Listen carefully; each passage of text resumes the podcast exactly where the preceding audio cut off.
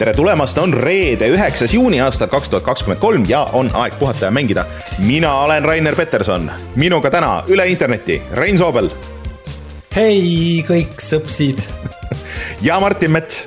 tere no mitu nädalat mitu,, mitu-mitu nädalat ei ole taaskord niimoodi juhtunud, et äh, me kõik kolm oleme olemas, aga täna on see päev. ja selles mõttes äh, on ka hea päev, sest et uudiseid äh, on palju ja uusi mänge. sihuke viimane sihuke ports suuri olulisi mänge siin suve alguses on ära proovitud, nii et väga, väga tore, et jõud-, leidsite oma tee tagasi. aga räägime nendest mängudest kohe varsti jah äh, teeme siis äh, kiirelt need kohustuslikud asjad siia ette ära, ehk siis äh, meid saab toetada Patreonis, patreon.com, kaldkriips puhata ja mangida. kui, Patreon. just, kui te meid seal toetate, siis saate näiteks tasuta mänge, seal on kümneid, kümneid, kümneid mänge. lihtsalt kirjutate ja saadan koodi. ja siis saate tulla meiega Discordi chat ima kus peamiselt viimasel ajal kurdame oma arvutimuresid ja siis, kus kõik saavad tulla aidata. Ja siis, kui toetate piisavalt suure summaga, siis loeme teie nimed ka ette, nagu näiteks Taavi, jutlustaja X, Device null, Failissi, GameCAN, Kalevus, ML Linux, Randroid ja Quick. ja otse loomulikult ka suured tänud kõikidele teistele, kes meid aastate jooksul on toetanud, plaanivad seda teha või tahaksid, aga ei saa, sellest pole hullu.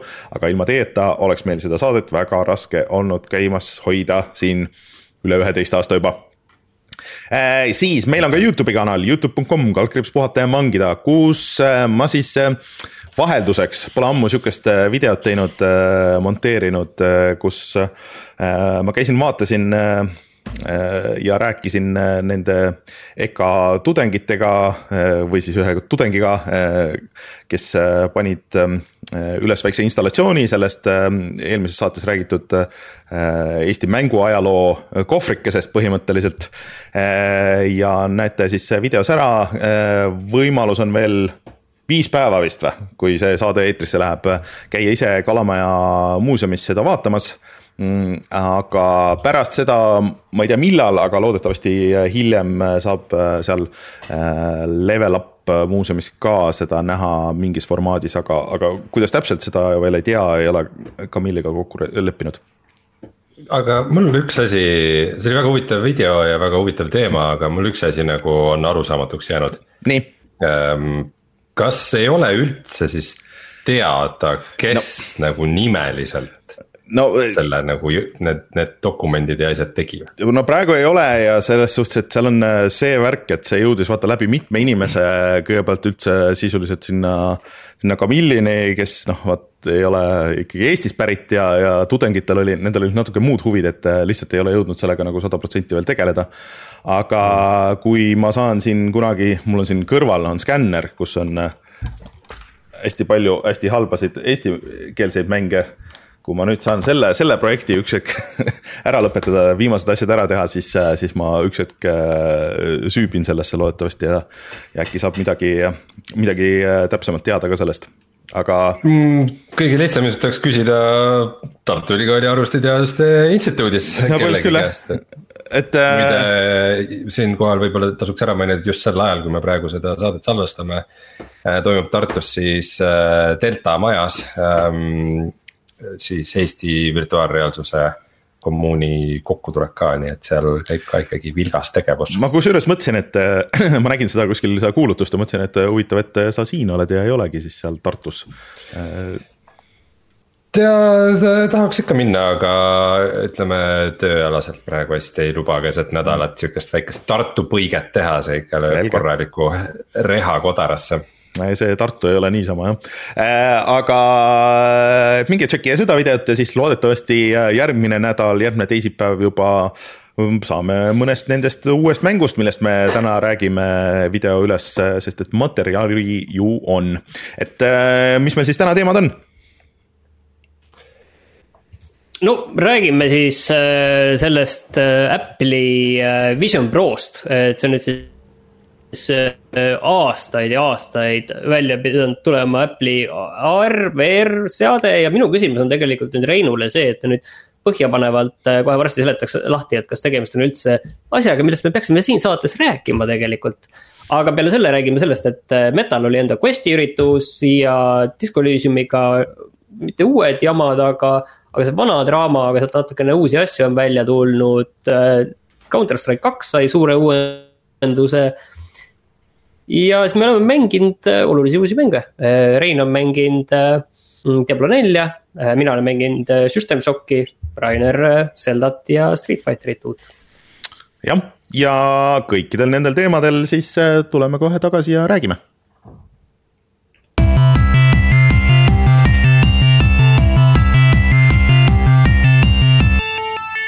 uudised. Noh, põhimõtteliselt nüüd võib lõpuks öelda, et äh, see, see Apple'i peaseade on päris, et kas see üle-eelmine saade või millal me siin koos äh, või, või oli see meie? Rainer oli kõva kahtleja. ma olin kõva kahtleja, et ma enne ei usu seda seadet, kui, kui see kellelgi äh, laval peas on, mida muideks ei juhtunud äh, kui, kui sa, kui sa vaatad seda kogu seda event'i, siis ükski Apple'i töötaja seda kordagi nagu pähe ei pane.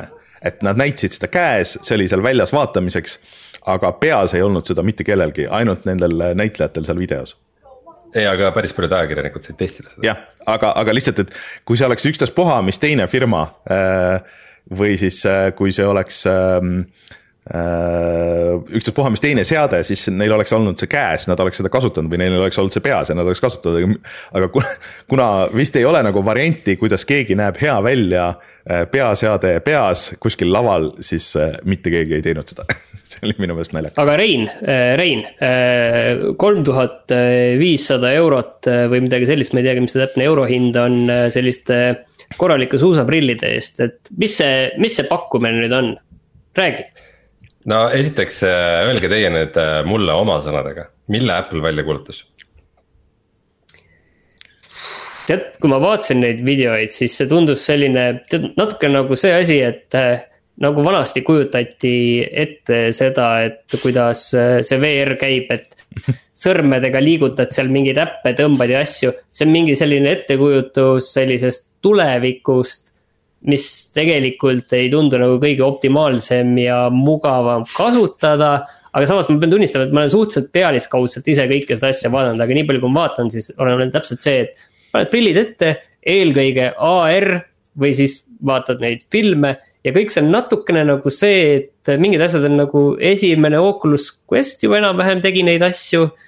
ja siis ma ei saa nagu aru, mis selles nii erilist on vaata. Rainer, mis, mis sinu arvates Apple välja kuulutas? Äh, minu meelest ka siuksed äh, ütleme siis äh, visioon sihukesest elust ja tulevikust, mida tegelikult ei eksisteeri ja mida keegi tegelikult ei taha, et.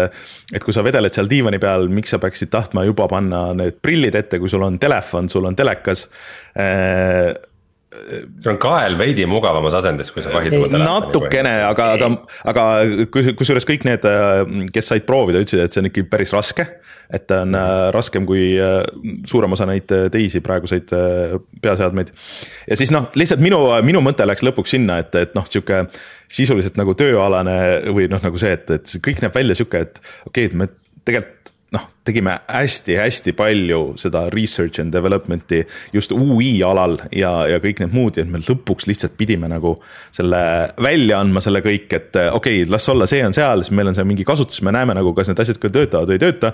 ja siis, siis meil on mingi praktiline väljund sellele kõigele, mida me oleme siin aastaid teinud.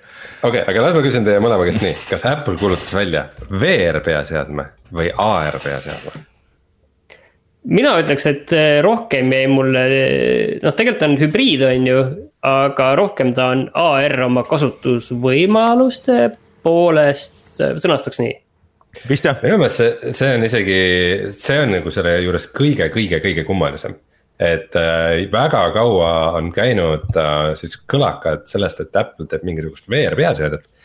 ja siis äh, lõpuks siis äh, oli see äh, Tim Cook oli laval ja ütles, et siin on nüüd meie AR peaseade.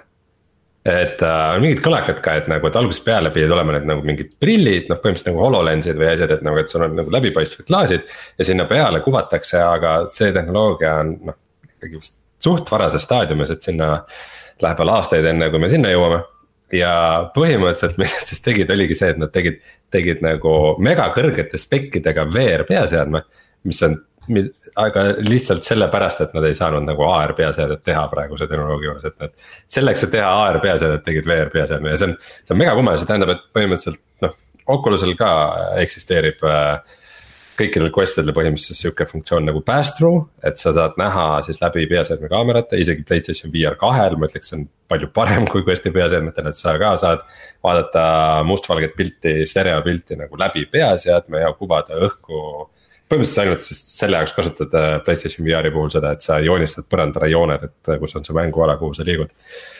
ja, ja Apple otsustas, et vot see ongi nüüd see põhiasi, et see on, see on nüüd see, mille jaoks me teeme selle peaseadme ja paneme sinna uskumatu summa, selles mõttes, et äh, siin hullult palju viimastel aastatel on mõnitatud, kuidas Meta on lihtsalt mingeid kümneid ja kümneid miljardeid matnud oma VR ja AR research'i Apple ei ole kindlasti vähem kulutanud aga lihtsalt ma pean ütlema, et see, see, see tulemus vähemalt, äh, mis nad näitavad, see kogu see UI ja kogu see värk, see näeb oluliselt, oluliselt muidugi parem välja, kui äh, mis iganes see Facebook ja Meta nagu selles mõttes on. no esiteks see, mida nad näitavad, ei ole ju salvestatud peaseadme sees. ei, seda küll, aga seda no.. Need on kõik kontseptsioonivideod, ehk siis nad oskavad teha ilusamaid kontseptsioonivideosid. seda kindlasti, aga. Äh, teiseks, kui ma vaatasin seda videot ja nagu analüüsin seda veidi ja mõtlesin selle peale.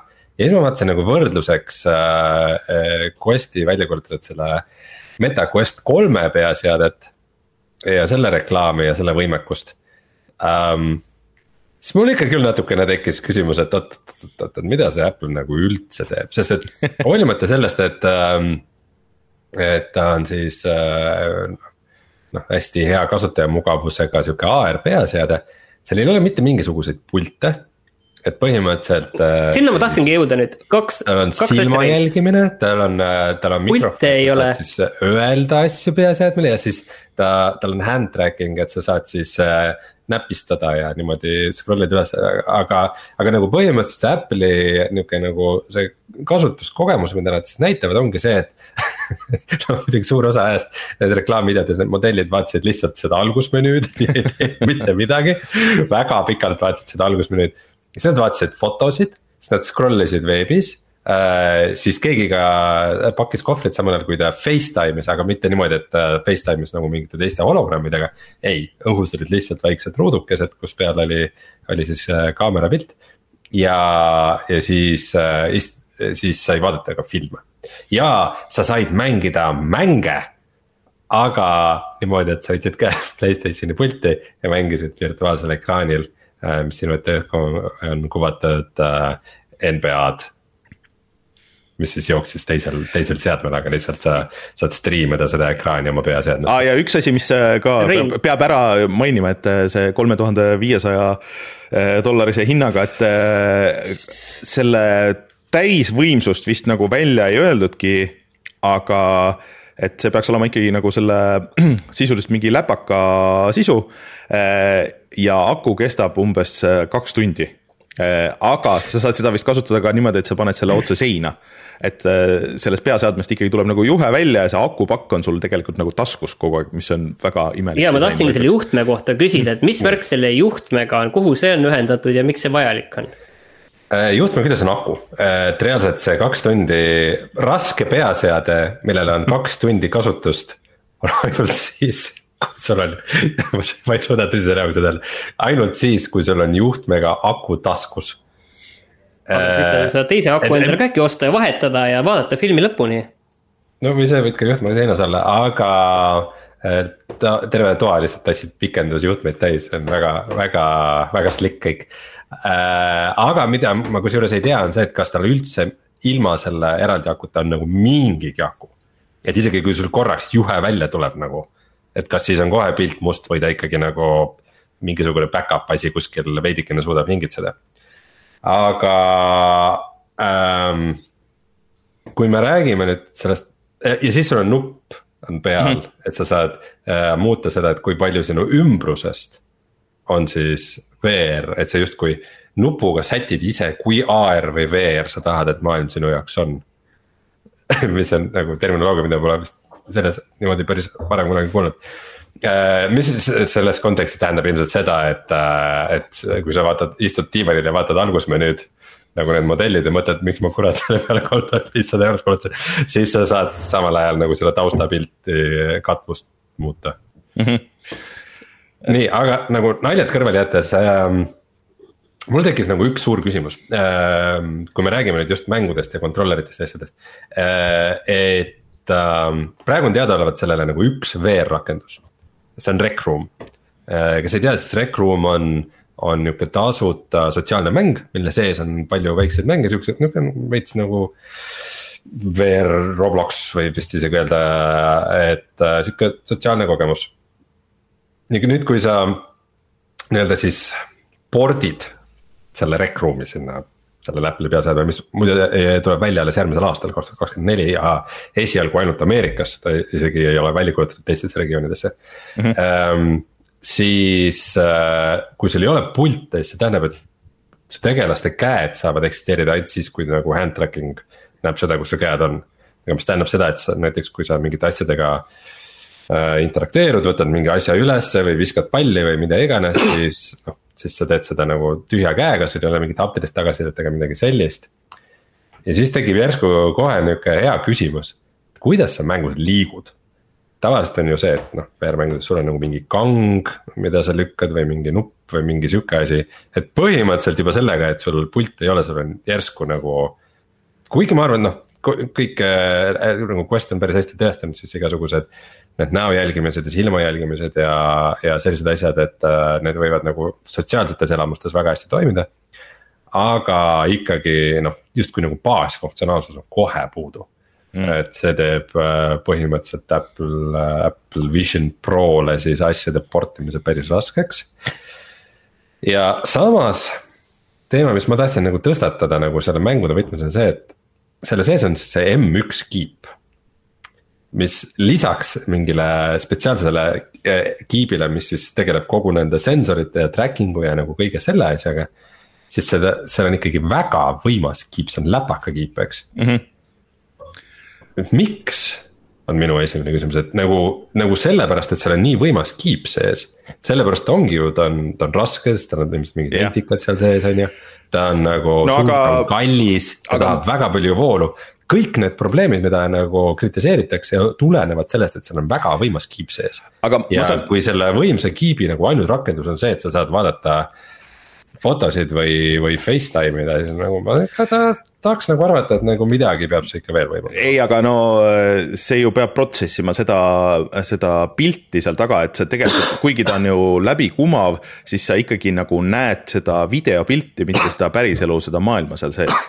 mina sain aru, et see töötab nagu selles mõttes niimoodi et, äh, et sa mitte ei vaata nagu seda kõike, mis sa näed, vaid see kõikide kaamerate lihtsalt see pilt kuvatakse sulle ikkagi nagu sinna ekraanile kuidagi. et mm, -hmm. et, et ühesõnaga. ta ei ole, ta ei ole läbipaistev see ongi see kogu point yeah., ta ei ole üldse läbipaistev yeah., sul põhimõtteliselt ongi sul on nagu väljaspool kaamerad ja seespool ekraan. ja, ähm, ja isegi kusjuures siis, äh, kes ei ole videosid näinud, siis, siis see funkab ka teistpidi, ehk siis kui keegi tuleb sinuga juttu ajama, siis peaseadme peale kuvatakse sinu silmad et sul justkui oleksid otse silmakontaktis nende inimestega, kes, kes füüsilises elus sinu mm, -hmm. sinu juures on, et sa ei oleks isoleeritud. aga ja, et ei, selles mõttes see, see kogu see hea kogemus kindlasti. aga. see jäi sul kahe silma vahele okei, aga äh, no kindlasti see, see jah, see menüü, algusmenüü protsessimine ka nagu tahab korralikku ressurssi, et. kaks 4K ekraani ja, ja kõik muu, aga ikkagi noh, noh rakenduste jaoks mulle tundub, et on nagu jõudlust ikkagi päris palju. et, et mind väga huvitab, et kui, mis, mis sellega siis üldse nagu, mis rakendused seal üldse saavad olema aga no eks selle, selle kõige nagu juures on lihtsalt see, et ega nagu sihukese hinnaga vahet ei ole, et kui sul oleks mingi noh. kui hea see tegelikult on, ega sa nagu mainstream'i sellega ei murra nagu selle kolme tuhande kuuesajaga, et, et, et. ja aga, aga samas nagu teisest küljest ma ei kujuta ette, et kuskil nagu sihukeses pro sellest, mis nad seal vaid-, noh, nagu ähm, pakkusid, et umbes teed Photoshopi töötlust või ma ei tea, videomontaaži nagu see niimoodi. no ma ei tea, ma ei kujuta ette seda nagu väga hästi, et sa hakkad no, minu pakkumine oli see, et, et see on ikkagi selline etalon asi, mida on hea näidata. Ja sügisel jõuludeks, võib-olla järgmine aasta tuleb välja siis Vision ilma Prota mis maksab tuhat seitsesada üheksakümmend üheksa ja tundub siis inimestele üks äh, ütlemata soodne asi, enam-vähem teeb kõike sama. No võimalik, võimalik, aga, aga lihtsalt praegu. selliseid lekkeid on ka juba päris palju olnud tegelikult, et ilmselt tulebki. Aga, aga noh, tegelikult äh, Apple'il oli ju noh, see oli üks terve see suur keynote, et, et see Vision Pro oli nagu siis see last thing, et, et nii edasi, et seal oli muid asju ka. ja võib-olla need on nagu väikseks märgiks selleks, sellest, et mis neil nagu plaanis on, sest et ähm, OS X saab äh, ka nüüd tegelikult ähm, eraldi game mode'i et kui sa lülitad äh, selle peale, siis, äh, siis kõik muud mingid taustaprotsessid, mis toimuvad, need lülitatakse välja ja nii edasi, et sul mängud jookseks paremini ja vist uued driver'id just konkreetselt pultidele ja noh, nagu see Bluetoothi võtmes, et, et lag'i vähendada.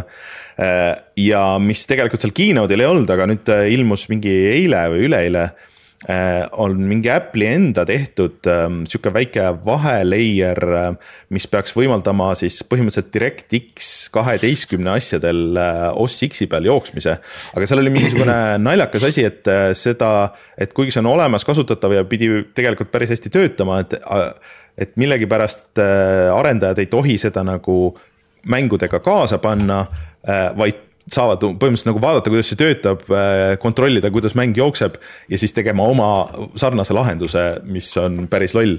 aga, aga selles mõttes, et äh, tundub, et Apple võib-olla nagu natuke rohkem äh, siis mõtleb ka nagu lõpuks mängudele, sest et äh, need M2 ja nüüd vist tuleb see M2 Ultra kiibiga see Mac Pro, see on ikka väga võimas masin tegelikult. et ta on küll arhitektuuriliselt nagu hoopis teistsugune kui need PC asjad aga, aga noh, see äh, M1 Ultra vist oli võrreldav mingi kolm tuhat kaheksakümmend äh, selle äh, kiirusega, noh ilma ray tracing uta küll, aga, aga selles mõttes, et, et need ei ole mingid lihtsalt niisama need prosed seal.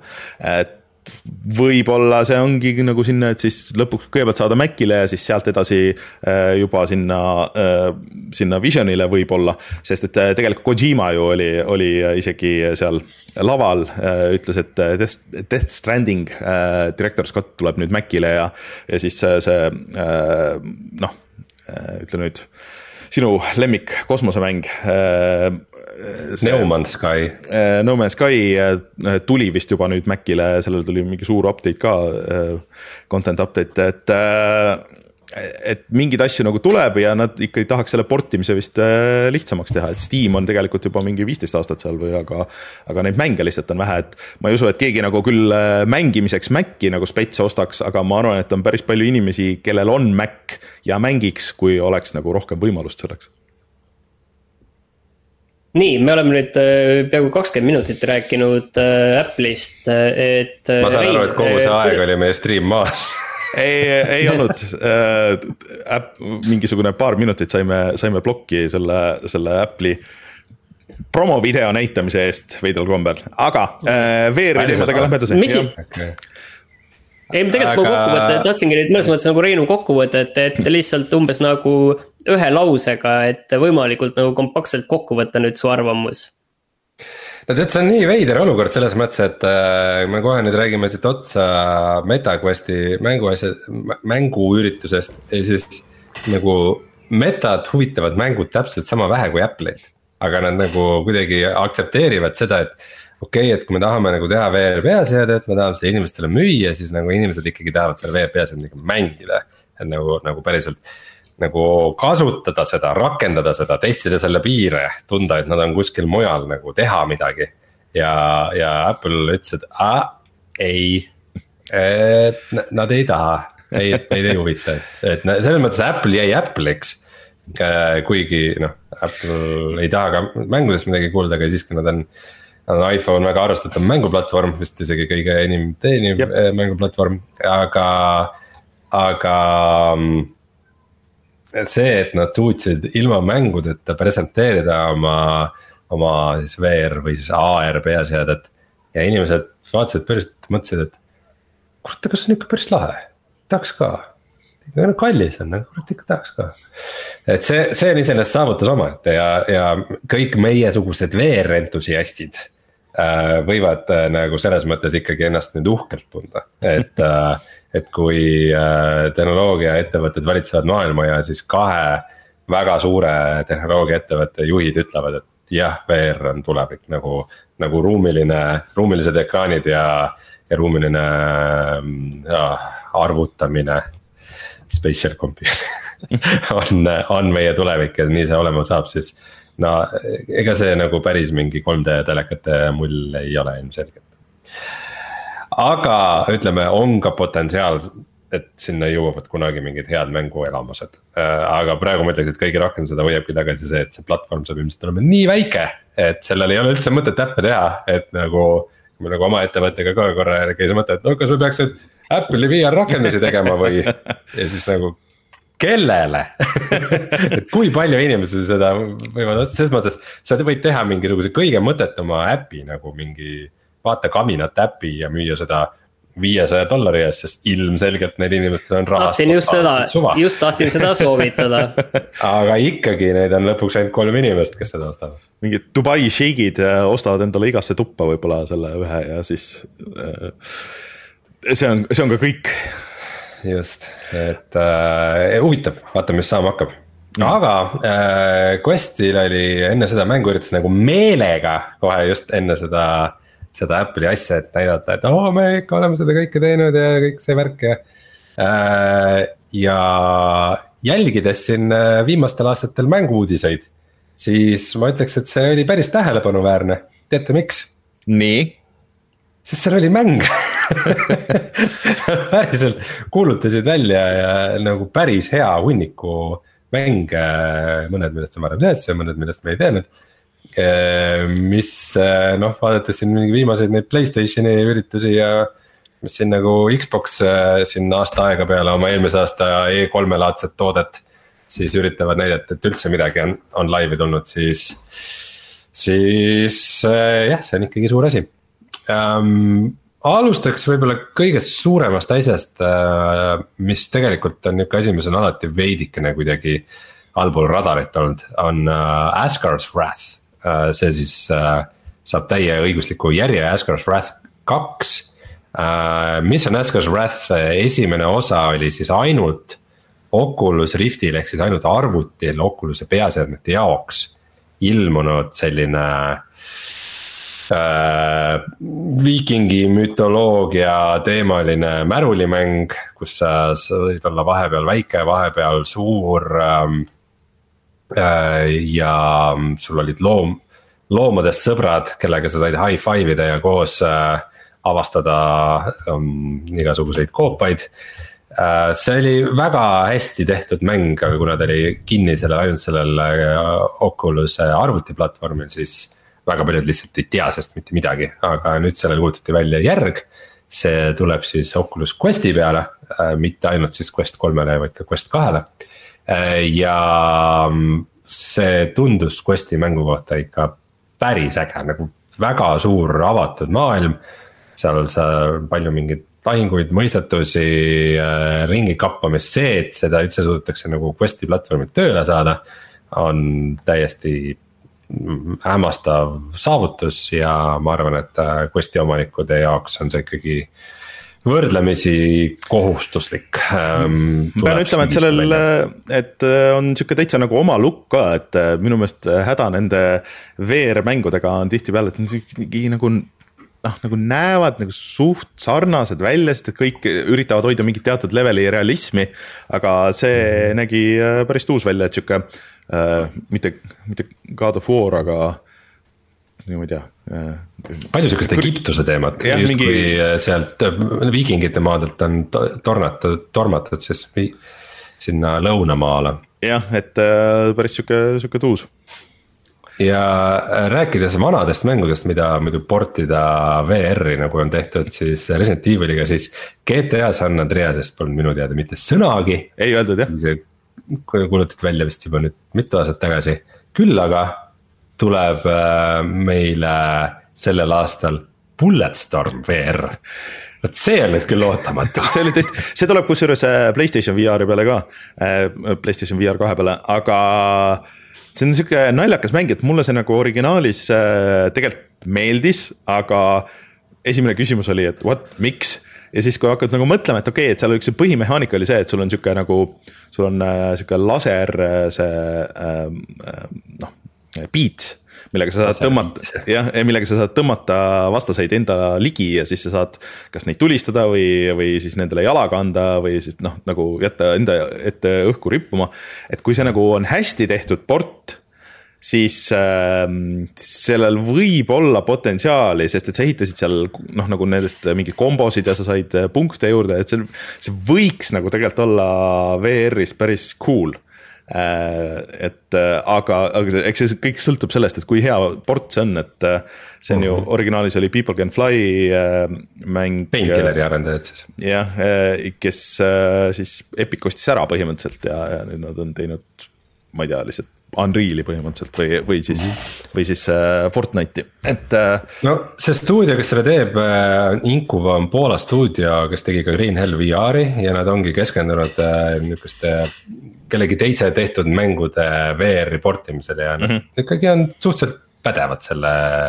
People Can Fly on arvan, ka et... Poola stuudio, kui ma õigesti mäletan, nii et võib-olla oli kellegi sõber. olnud või? kuskilt seal aga mm, Äh, ma ei tea, võib, võib-olla pädev, aga lihtsalt väga, väga ootamatu nagu kõikidest maailma. ikka pole äh,, maailma mängudest. okei okay. äh,, siis äh, I expected to die äh,, nihuke James Bondi laadne muistetamismäng, äh, sa, selle kolmas osa kuulutati välja. kurat, võib-olla see oli juba varem välja kuulutatud, aga nüüd oli treiler Äh, sama stuudio Shell Games siis ka kuulutas välja Silent Slayer Vault of the Vampire'i um,. siis rääkides portidest, siis äh, Power Wash simulaator saab äh, VR versiooni uh,. ma hunniku mingeid väiksemaid asju, mida ma ise ei tea, jätan meelega vahele um, ja noh, see, et Arizona Sunshine kaks tuleb, et see oli juba Playstation Showcase'il kuulutati välja, aga noh, pahatihti on ikkagi see, et kui miski tuleb Questile ka, eriti Quest kahele. siis ta on ikkagi selle kõige madalama nagu platvormi jaoks arendatud ja teised on siuksed veidikene upscale itud board'id, sest et äh, noh, MetaQuest kaks ikkagi. ikkagi domineerib turgu praegu, et äh, kõige mõistlikum on äh, stuudiotel teha mäng kõigepealt sellele ja siis alles kõikide teiste peale mõelda. ja väga-väga ammu välja kuulutatud siis, äh, et on töös äh, siis Ubisofti Assassin's Creed'i VR mäng tuleb mm. välja. kas sa oled aru saanud, mis see üldse on, mina ei ole aru saanud, mis see mängitavus on. Ei, sellest pole mitte sõnagi, sest ei ole mitte midagi teada, ainus, mis me saime teada, on see, selle nimi on Assassin's Creed Nexus VR mulle aga jäi. me ei pea väga kaua ootama, et selle kohta teada saada, et äh, selle palju, selle kohta palju rohkem teada saada, sest et Ubisoft Forward. on kaksteist juunil ja seal siis peaks äh, selle kohta rohkem midagi avaldatama mulle jäi silma sealt äh, sihuke mäng nagu The Seventh Guest, mis on üks äh, nendest väga legendaarsetest äh, FMV puslemängudest kunagi, mis ilmus ja. see oli väga üllatav minu jaoks ka. et see tuleb nüüd VR-is välja täiesti nagu uus versioon. on huvitav ka, mis asi on Samba de Amigos, et mina ei tea. tean, eh, see oli, eh, Samba de Amigo oli eh, rütmimäng, mis oli originaalis arkaadides ja siis mm,. ja siis hiljem Dreamcastil, aga selle tegi eriliseks see, et sellega tuli eraldi kaasa maraka puldid ehk siis sul olidki käes marakad ja siis, mis olid nagu siuksed ähm, natuke Wii äh, eelkäijad, et, et need natuke tundsid nagu seda liikumist. ja siis sa pidid ekraani ees nagu mängima kaasa sellega. et äh, ma arvan, see VR-i sobib hästi, äh, see on sihuke lõbus ja multikalist, multikalik ja nii edasi, aga see tuleb vist minu meelest teistele platvormidele ka, Switch'i peale minu meelest see kuulutati ka välja päris ammu juba Äh, ja, ja see, kes seda originaali mäletavad, siis äh, teevad seda alati äh, väga sihukese hea sõnaga, et, et see oli väga lõbus kunagi mm. -hmm. et no rütmimängud üldiselt ikkagi VR-is töötavad pigem hästi, nii et äh, selles mõttes. yeah. võib-olla okei okay. äh,, siis äh, Uh, Stranger Things'i VR mängust räägiti ka, aga see kuulutati küll juba päris ammu välja ja ma ütlen, et see on ikka. see on ikka nagu see leim osa nende IP põhiste mängude juures, et, et kui neid tahad, vot siin Kollumiga oli juttu, et vanad head katkised IP põhised mängud miks IP-põhised mängud ehk siis intellektuaalomandi põhised mängud on katki, on see, et nad peavad tulema samal ajal välja, kui see, see konkreetne film või sari või asi, millest nad on. Ja tundub, et Stranger Things'i puhul nad otsustasid, et nad ikkagi teevad asja hästi mis tähendab seda, et selleks ajaks, kui see kunagi välja tuleb, siis keegi ei mäleta enam, mida see kurat see Stranger Things on ja kes see Vecna oli ja. no viimane hooaeg ja... peaks tulema veel vist ju nojah, aga see, millal see season viis tuleb äh, see vist lükati veel edasi selle äh, stsenaristide streigi tõttu. Sest et Stranger Things VR tuleb välja sügisel mm., et äh, mina mäletan, et me vaatasime seda. Stranger Thingi neljandat hooaega eelmise aasta juunis, nii et suht täpselt aasta tagasi aga. sellega veits jama jah. aga põhimõtteliselt ju MetaQuest kolm vaata ka kuulutati välja, aga ega sellest vist mm. siiamaani ei ole teada nagu täpsemaid äh, mingeid spekke või mingisuguseid muid asju. no minu teada seda veel ei ole kellelegi väga nagu lahti äh, lammutamiseks näidatud, üht-teist me siiski juba teame um,. eelmine saade mainisid ka, et hind oli teada et äh, algab siis äh, põhimõtteliselt viiesajast dollarist on see USA poehind, mis tundub nagu nende.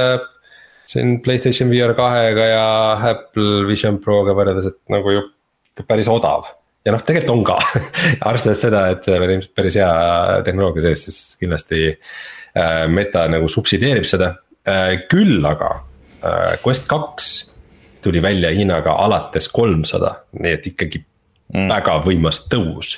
Äh, see hind vahepeal tõusis, siis jälle langes äh, Quest kahel ja siis, kui äh, tegelikult juba nüüd, nüüd neljandast juunist ametlikult, siis Quest kahe hind langes, et nüüd on jälle Quest kahe siis selle saja kahekümne kaheksa gigase versiooni saab siis kolmesaja daalaga okay.. kui sa elad Ameerikas. Mm., aga mis me teame MetaQuest kolme kohta lisaks sellele, et see on natuke kallim, on see, et tal on kõrgem resolutsioon.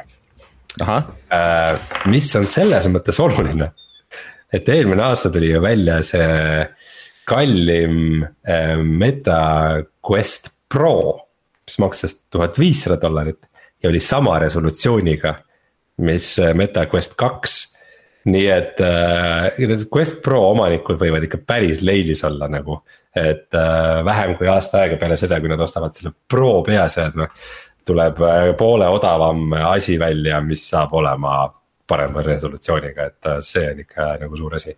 ja loomulikult ta peaks olema ka võimsama kiibiga. Äh, ja ka veidikene õhem ja mugavam, vist ka kergem ja loomulikult Meta siin kellab praegu ette ja taha, kui hea on selle see päästru, et sa saad sellest läbi vaadata ja et sa saad isegi oma telefoni kasutada nagu samal ajal, kui sa oled VR-is, et lihtsalt vaatad läbi peaseadme, sa ei pea peaseadet ära võtma. mis, mis on siis ilmselgelt nagu, et vaadake, me teeme sedasama asja, mis Apple ja nagu väga ägedalt ja noh. Kui arvestada, et see hind on seitse korda odavam, siis nad ilmselt teevad seda ikkagi päris hästi jah, et ma nagu ei vaidle vastu aga jah, ei, ma ei tea, selles mõttes kõik, mis ma Quest kolme kohta siiamaani kuulnud olen, tundub väga hea. Quest kaks oli väga hea peaseade ja Quest kolm ilmselt on ainult parem, võib-olla siis natukene kallim. Äge. nii, see oli küll nüüd äh, väga põhjalik äh, ülevaade kogu sellesse VR maailma, äh, ütleme nii, et nii, nii põhjalikuks me ei ole vist mitte kunagi varem läinud jah, ütleme, aga oli ka põhjust, et. no okei okay,, ma olen nõus, oli ka põhjust jah. see nädal oli ikka tõesti VR-i poole kaldu ja mina, mina saan särava näoga üle, terve ülejäänud aasta ringi käia, et. kas sellest tuleb sinu suvi VR..., sinu, sinu VR suvi? Jah, et see õiged naljad oli isegi nagu VR-ringkondades olnud, et äh, kõik need tüübid, kes eelmisel aastal olid need krüptotüübid. ja siis need see aasta olid ai spetsialistid, on nüüd jälle tagasi VR VR-kurud üks, äh, üks oluline küsimus äh, nüüd isegi tegelikult, mis on mul jäänud nagu ka nüüd kuskilt ei leia kohe üles peast, et. millal see Vision Pro välja müügile tuleb, kas see nüüd öeldi ka välja või, või ei olnud? kaks tuhat kakskümmend neli aga ma ei mäleta, kas mingist kuupäevast ka räägiti. ilmselt mitte, kui nii kaua on aega. okei okay,, aga võtame nüüd need paar uudist ära, mis meil äh, veel äh, ees on, enne kui Diablo nelja juurde jõuame.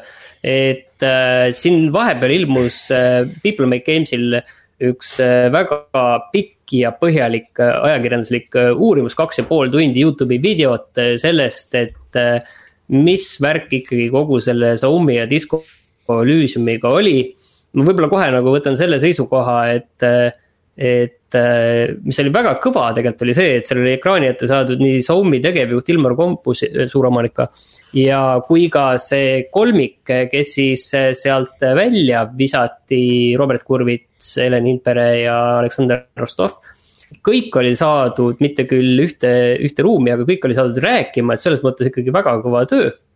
aga mis sealt nagu välja tuli, on tegelikult natukene iga nii-öelda vaataja otsustada jääb, et seal nagu ei võeta nagu päris sellist eh, seisukohta, et mis on õige ja mis on vale, rohkem esitatakse erinevate poolte seisukohad, mis on ka väga tore tegelikult. aga võib-olla üks huvitav asi oli see, mida varem pole niiviisi välja öeldud, mida seal Ilmar Kompus rääkis, oli see, et äh, mm,. et Disco Elysium kahe, nii-öelda mõtteliselt kahe ehk selle järje, et kogu selle saatus on nüüd kogu selle asjaga lahtine. ja noh, see on ka niiviisi, et kuidas seda nüüd võtta, on ju, et, et mis see nagu tegelikult tähendab, et see on ka natukene jälle kuulaja-vaataja otsustada mina vaatasin ka selle sina vaatasid selle läbi, mina, mina vaatasin... ei vaadanud läbi, ma olin jupiti. või noh, pigem äh, kuulasin nagu äh, pigem siin taustaks, aga et, et äh, tõesti oli mõnes mõttes ikkagi nagu väga hästi tehtud ja mindud mõlema poolega sügavuti.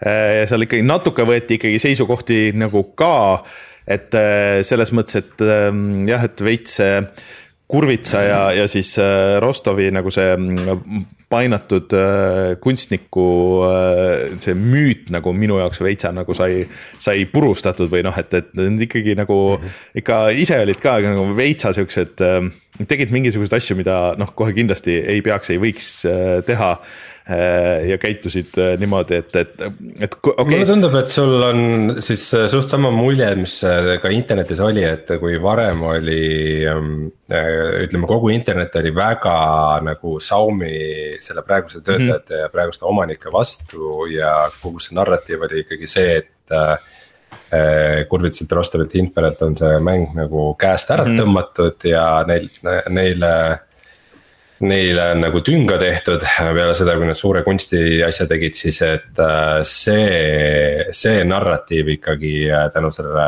äh, videole mõranes päris palju. jah, ja. aga äh, ma jään eriarvamusele ei, lihtsalt ei, ma tahtsin äh, tegelikult veel edasi rääkida, öelda sinna, et, et, et ei, aga, aga et äh, ma ei leia nagu lõpuks, et tegelikult need rahaasjad ikkagi olid äh, algusest peale nagu väga kahtlased, mis seal tehti. et see, seda minu jaoks küll ei muutunud, et minu meelest see on ikkagi nagu siiamaani sketši, aga eks seda näitab vist kohus. et kas siis tehti midagi väga keerulist või mitte ja ikkagi nagu nii palju, et noh, lõpuks ikkagi nad puksiti nagu selles mõttes ikka sellest oma asjast nagu ikkagi ära ka. aga see mõnes mõttes ei noh ma sain aru, et Kaspar, kes meil näiteks siin saates on käinud ja, ja, ja siis äh, mõned teised veel äh, oleks pidanud palju rohkem krediiti saama selle, selle mängu nagu selle lõppversiooni eest, kui nad võib-olla lõpuks nagu said ja nendega, nendega käituti nagu ka nagu teistpidi nagu siis mõlema poole poolt võib-olla nagu natuke halvasti nagu mõnes mõttes. Mm. -hmm no kas soovitate vaadata seda ikka kõigile, ma mõtlen selles mõttes, et kui, kui te olete nagu selle läbi vaadanud, et ei ole nii, et hakkab igav ja pole mõtet. ei no selles mõttes on see, see kindlasti hea, et kuna need inimesed on seal päris ekraani ees ja siis kui sind see teema huvitab, siis sa ikkagi saad nagu mingisuguse pildi sellest ette. et, äh, et siis ähm, selles mõttes on ta üsna terviklik ja ka võtab kokku nagu mingisugused seal äh, omandisuhted ja kuidas need asjad on seal muutunud äh,. aga üldjoontes ta seda nagu nagu lugu ei muuda, et, et päris selge on, et selle oman-, omandi poole osas äh, toimusid mitte kahtlased, vaid ikka nagu, nagu noh. minu jaoks ikkagi selgelt kriminaalsed asjad, et kuidas, kuidas see firma omastamine toimus. see, kas kohus otsustab, et need on nagu kas seal õiguspiire rikuti või kus see täpselt äh, see mm -hmm. nagu joon läheb, et mis on kriminaalne ja mis mitte nagu. no seda jah, otsustab kohus, aga natukene ma tunnen, et see ei ole nagu tähtis, et, et ilmselgelt see oli pahatahtlik, mida, mida Xiaomi omanikkond tegi ja, ja kindlasti see nagu äh, peaks kõigi õiglustunnet väga tõsiselt äh, riivama, äh, kuidas, kuidas räägiti siis nendele kunstilistele juhtidele ühte asja ja samal ajal. tehti muid asju. tehti teisi asju ja siis kasutades, kasutades ära seda, et omanik ja juhtidel on rohkem nagu arusaama sellest äh, legaalsest ja õiguslikust ruumist lihtsalt äh, tehti nii-öelda ära neile, et äh, tõmmati. väike jok-, jokk-skeem tundus. käest ära, et seal pole mingit kahtlust. mis ma nagu kindlasti selle People Make Games'i video juures kritiseeriks. Oli see, et nad lasid selle Xiaomi poole liiga palju kontrollida seda narratiivi. ehk siis üsna palju käis nagu mingit arutelu selle üle, et umbes, et noh, et kas see kurvits oli ikka nagu toksiline ja kas ta käitus ikka ebameeldivalt ja kas ikka seal kunstilised juhid nagu käisid. peale nagu viieteist kuust crunch'i nagu olid ikka liiga pikalt puhkusel ja nagu võib-olla see ei ole tegelikult kõige olulisem küsimus, et, äh, et see, et sellele tegelikult nii palju aega pühendati ja, ja nagu äh,. Kurvitset ja teisi nagu sunniti seal, äh, pandi nagu fakti ette, et nii, et nüüd teie vanad sõbrad ütlesid, et nii ja nii on, et mis, mis te nüüd ütlete, et. et kui, kui Robert Kurits ütles, et tema nagu keeldub selle narratiiviga kaasa minemast, siis mina olin sada protsenti tema poolt, ta ei peakski vastama nagu kõikidele sihukestele süüdistustele nagu see, et kuidas, kuidas temalt nagu võeti ära põhimõtteliselt tema elutöö. on ikkagi palju-palju tähtsam küsimus kui see, et et kuidas seal keegi vahepeal üksteisega käitus. aga pigem, pigem seal oli ka nagu lihtsalt ma pidasin silmas seda, et kui see vastab tõele, nagu seal mitu inimest ütlesid, et kuidas nad tahtsid sealt firmast ära minna ja selle ka source code'i kaasa võtta. et see on nagu teistpidi juba sa ajad selle asja nagu endale ja kõigile teistele keeruliseks, et. et Võt, päris niimoodi ei saa lahendada neid neid asju. siin võib olla küsimus ka nagu selles ajajoones mm., et, äh, et võimalik, et see oli ka nende poolt mingisugune, ma nüüd tunnen, et ma kuidagi panes positsiooni, kus ma nagu kaitsen neid. tegelikult ma olen ikkagi suhteliselt erapooletu, et võimalik, et see äh, oli ka, et nad tundsid, et neil hakatakse nagu justkui äh, asja käest ära tirima ja nad siis nagu mm. äh, mõtlesid nagu mingil emotsionaalsel viisil üritasid ennast kaitsta või midagi. selles suhtes ma saan aru, et ma olen ka ühest äh, kohast töölt äh, ära läinud niimoodi, et ma võtsin kogu arvuti sisu kaasa, sest et ma teadsin, et viimase palgaga tuleb probleem ja, ja siis. Äh, siis kui viimane palk laekus, siis, siis laekusid need asjad ka tagasi, et, et. et noh, ilmselt see on, see on selline skeem, et kui sa, kui sa ennast juriidiliselt muud moodi kaitsta ei oska, aga, aga, aga noh, selles mõttes, et see asi on nagu nii suur, et sa ei saa mingit siukseid asju nagu teha, et sellest tuleb väga palju kahju sulle endale nagu pigem pärast, aga, aga ja. mina soovitan kõigil ise ära vaadata, teha ise omad otsused nagu selles suhtes, et, et see on kindlasti väga huvitav jah, nagu, nagu, nagu, nagu kuulete ka meil tekkis sellest teatud emotsioone, aga lihtsalt jah, ma nagu selle mainin ära, et see, see, mille üle see vestlus seal käib siiski. ja ta minu meelest piisavalt hästi nagu ei toonitatud, oli selle director's cut'i tegemine. Ehk siis nagu see, see kogu see periood, mida seal lahatakse, on ikkagi peale seda, kui see nagu põhimäng on tehtud. -hmm. see on selle, selle nagu järgmise versiooni tegemine, milles, mille üle siis käib jutt, et kas, kas need juhid seal ikka piisavalt osalesid või pluss minu jaoks äh, oli huvitav info, see uus oli sealt, mida ma ei teadnud, on see, et Xiaomi's on sada inimest praegu et mm -hmm. need sada inimest ikkagi nagu midagi teevad.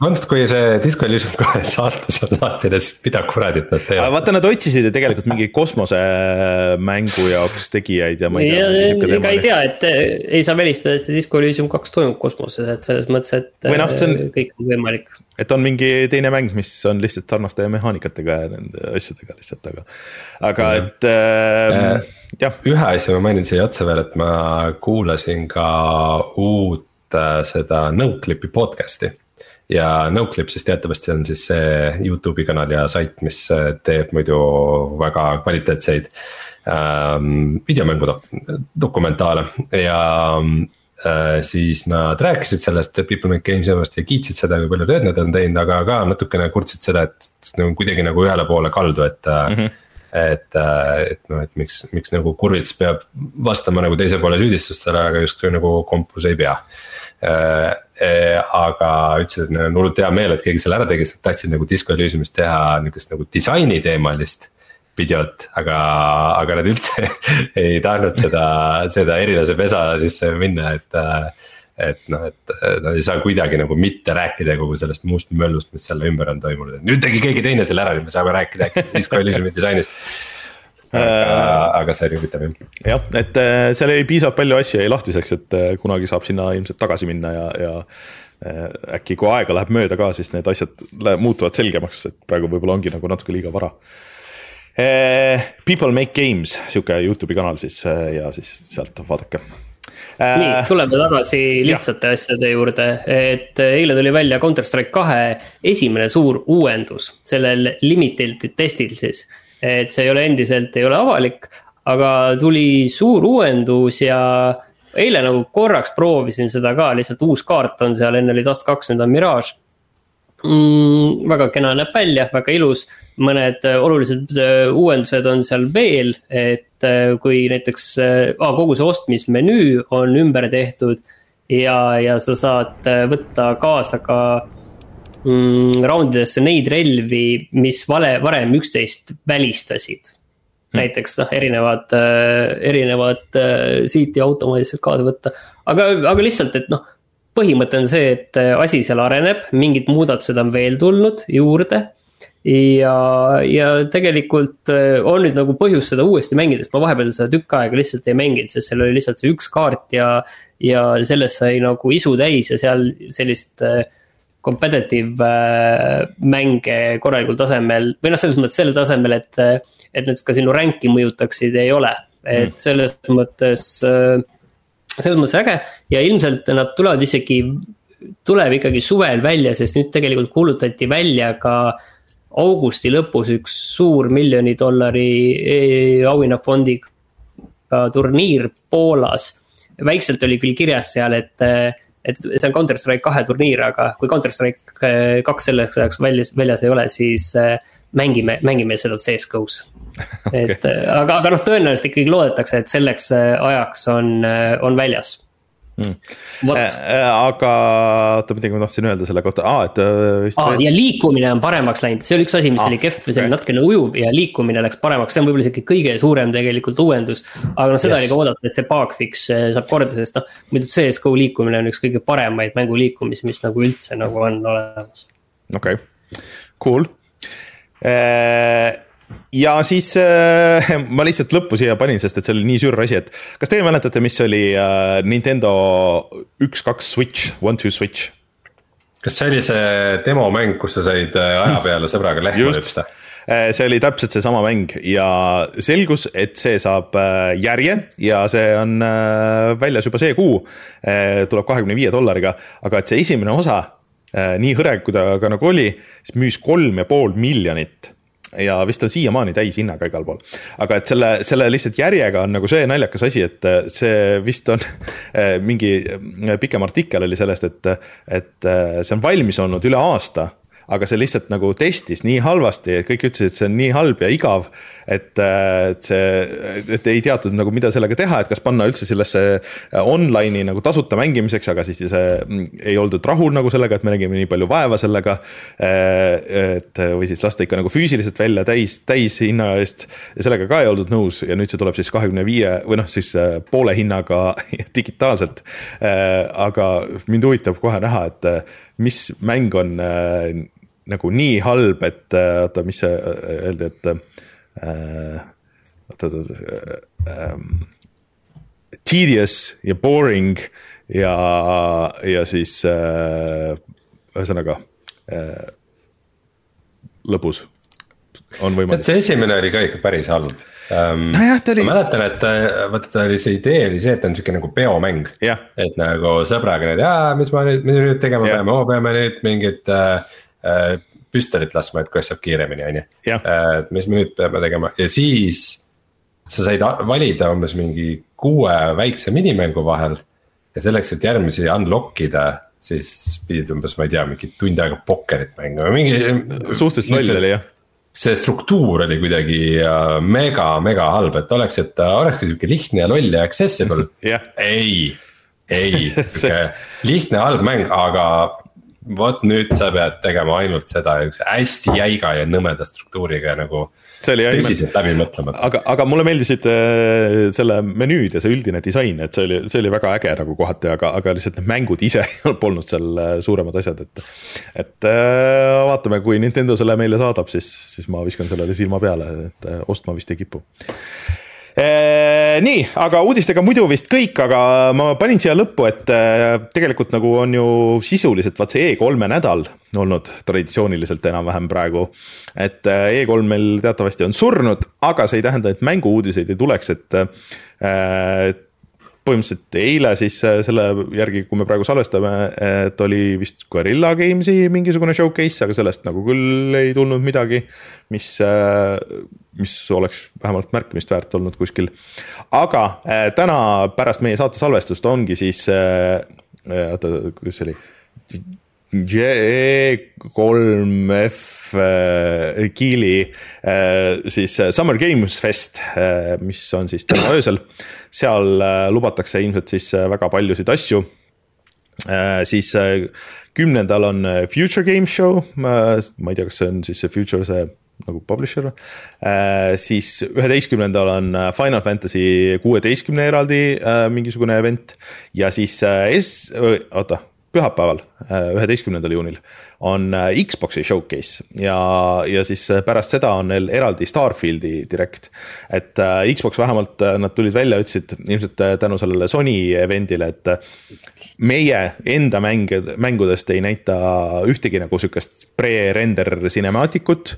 et äh, kõik on kas in-engine või in-game äh, ja äh, teiste, teiste puhul vist ka, et kui see on render või pole nagu mingi final see, et kõik treilerid ja asjad saavad olema ilusti märgistatud, mis on tegelikult äge ja viisakas ja mida võiksid kõik need siuksed event'id teha. aga siis kohe pärast seda esmaspäeval on Ubisofti Ubisoft Forward, mis on ka nagu natuke huvitav, et mida siis Ubisoft teeb kõike ja siis, ja siis kaheteistkümnendal. Assassin's Creed'i ainult ei tea, vaata, neil on see õhus veel see üks teine Assassin's Creed, aga siis neil on mingi sada. Nad on kõik ära cancelled on ülejäänud asjad. ja siis. kas and Bones tuleb välja või? jah, jah. Prince, Prince of Persia või? jah, mis sai vist, ma ei tea, kas me rääkisime siin, et see lükati ju uuesti edasi, et see alustati nullist nagu seda remake'i remake'i. ja Capcomi spekulatsioonid on ka muidugi huvitavad, et viimasest Monster Hunterist on päris tükk aega möödas, et äkki oleks aeg uueks Monster Hunteriks. ja võib-olla mingit seda Resident Evil nelja siis VR versiooni äkki näeme pikemalt ja mingeid siukseid asju ja üheteistkümnendal on ka äh, siis tegelikult siis äh, pühapäeval on ka PC gaming show, et äh, sealt on ka aeg-ajalt mingid, mingeid asju ikkagi tulnud. et tuleb sihuke E3-e nädalavahetus pigem siin alates siis täna õhtust. Lähme räägime nüüd retro E3-st.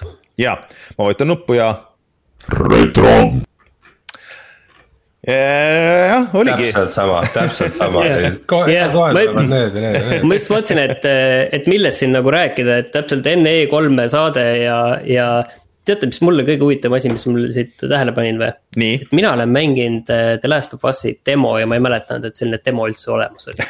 okei, äh, ma siit vaatan, et Fable HD on tiisitud siis ja, ja üks asju, mida arvatakse, et Microsoft lõpuks siis nüüd äh, näitab, ongi siis äh, uus Fable'i mäng, mida see Turn, mitte Turn ten, äh, see Forsa Horizon'i tegija, tule stuudio nimi kohe meelde, on siis vist ikka päris pikka aega teinud.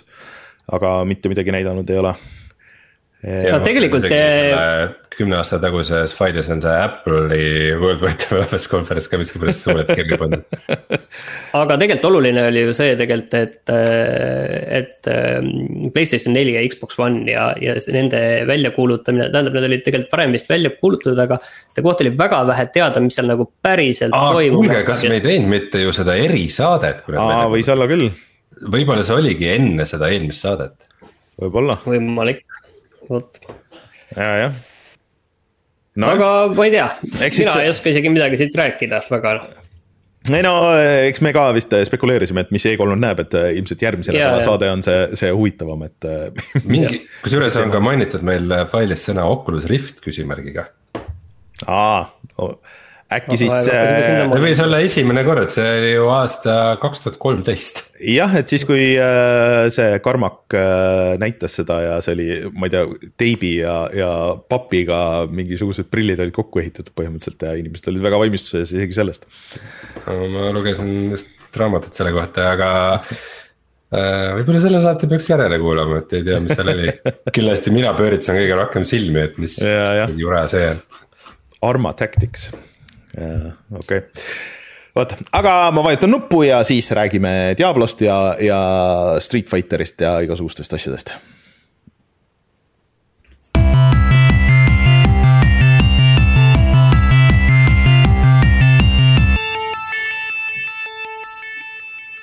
ega täna vist ei ole meil võimalust kellelgi varem, vara õhtusöögile saada, on ju? ei, tundub nii aga Rein, Diablo neli on väljas uh. -huh. sina ei olnud nõus maksma vist seda, seda, mis see oli, kolmkümmend eurot rohkem, kakskümmend eurot rohkem, et varem mängida. kakskümmend või kolmkümmend jah äh,. okei okay,, alustame kaugemalt, et Diablo neli siis tuli ametlikult välja alles nüüd teisipäeval äh,. ja mm, eelmisel reedel siis oli selle early access release kõigile neile, kes ostsid siis mingisuguse deluxe edition'id ja asjad. mis siis maksid vastavalt kas kakskümmend või kolmkümmend eurot äh, rohkem, et ma, ma, mul ei olnud väga palju eelmine nädalavahetus teha, siis ma. isegi mõtlesin, et, et kui mingi kümme eurot, ma alguses sain aru, et see on kümme eurot, et siis, et no, et äkki ma isegi nagu maksan selle kakskümmend eurot. no kuulge, see on ikka nõme veidike, et nagu ei, ei kuigi mul ikka päris mitu sõpra murdus ka, kes ostsid, ostsid ära ja mängisid nädalavahetusel ka. Äh, ehk siis mina sain alles teisipäeval, ehk siis praeguse seisuga üleeile äh, omale küüned taha mängule. nii et ma ei saa öelda, et ma oleks nüüd liiga palju mänginud, kuigi ma mängisin ka natukene beetat, et selles mõttes on mul mingi kogemus ka ees äh, ma veeretasin, okei okay,, kui keegi ei tea, mis asi on Diablo, äkki ma pean ikkagi ühesõnaga seletama, kuigi meie rahva kulla valimine näitas, et ikkagi inimesed teavad. See on siis nihuke isomeetrilises äh, vaates või pealtvaates mäng, kus sul on väike tegelane ekraanil ja sa vajutad vasakut hiireklikki, et äh, teha tavalist lööki. ja paremat hiireklikki, et, äh, et teha erilist lööki. ja siis vastastest kukuvad asjad välja ja siis sinu löögid lähevad tugevamaks um,. hea kokkuvõte. see on väga hea kokkuvõte tõesti Diablo on jah, minu üks läbi aegade lemmikseeriaid äh,, eriti Diablo kaks, mille selle uusversiooni ma ka mängisin väga palju äh,. kolm tundus lahe, kui ta lõpuks välja tuli, aga kolm oli ikkagi neist kõvasti nõrgem. et, äh, et see oli see, kui mäng läks 3D-sse, aga seal, ütleme, et ta vananes nagu kõige halvemini, et kui muidu Blizzardi mängud on siuksed head ajatud, et sa võid nagu vabalt kümme aastat hiljem need ka ette võtta ja see disain ja kõik ikkagi hoiab väga hästi.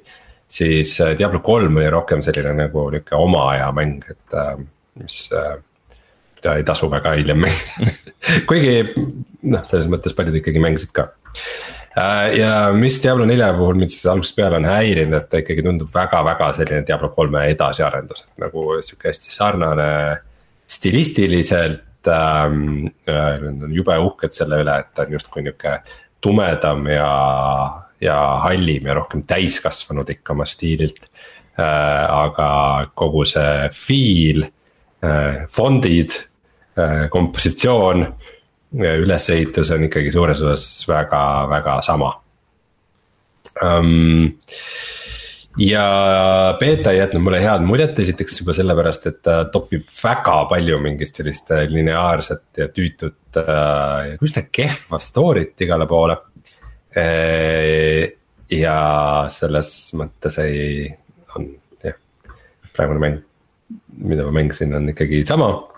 aga ma tegin omale võluri ehk siis Wizardi tegelase Äh, ja ma ütlen, et see mängitavus mulle ikkagi siiamaani nagu meeldib. aga kas ma saan õigesti aru, et, et, et see noh, nagu suurim uus asi nagu selles mõttes on äh, see, et sul enam ei ole niimoodi, et sa lähed nagu eraldi level itesse, et sul on nagu üks suur kaart, mida sa avastada äh,? põhimõtteliselt siiamaani küll, et ähm, noh, ma ei ole nüüd seda struktuuri väga palju avanud, et, et põhimõtteliselt on nii, et sa alguses nagu mingi starting alast lähed mingisse esimesse suurde linna mm. -hmm. ja sul on nagu päris eri suunad, kuhu sa saad minna, et nihuke nagu suur kaart. sul isegi see nagu põhikampaania viib sind eri suundadesse mm, -hmm. et sa justkui äh, peadki eri, eri kohtades äh, siis tegema missioone ja siis väikseid quest'e et ta on palju rohkem avatud maailmatundega küll, kui, äh, kui varasemad Diablod on, ma arvan, et seda võib öelda küll mm. -hmm. ja siis teised mängijad samuti panevad seal maailmas ringi ja ja kõnnivad sinust mööda ja siis sõpradega sa võid äh, teha partisid äh, ja koos käia kohtades. ilmselt siis dungeon'id on nagu instance itud vastavalt sellele, et kas, kas äh, sa lähed sinna sisse koos party liikmetega või mitte aga see kõik jätab sihukese üsna nagu mõnusa orgaanilise sotsiaalse mulje ja mm. üks asi, mida, mida nii kiidetakse kui laidetakse, on see, et mäng siis äh,, eriti noh, vastaste levelid põhimõtteliselt nagu scale ivad mm. -hmm. ehk siis äh, äh, kui sa oled näiteks level kümme ja tahad mängida koos oma sõbraga, kes on level kolmkümmend. et siis te võite koos mängida ja teil on mõlemal nagu äh, piisavalt raske äh, nagu. ja, ja mõlemad saavad asju, mida neil on vaja ehk siis, äh, mis, mis omamoodi nagu tekitab, võib tekitada frustratsiooni mängijates, kes on rohkem mänginud, siis justkui tunnevad, et nad ei ole oma sõbrast tugevamad.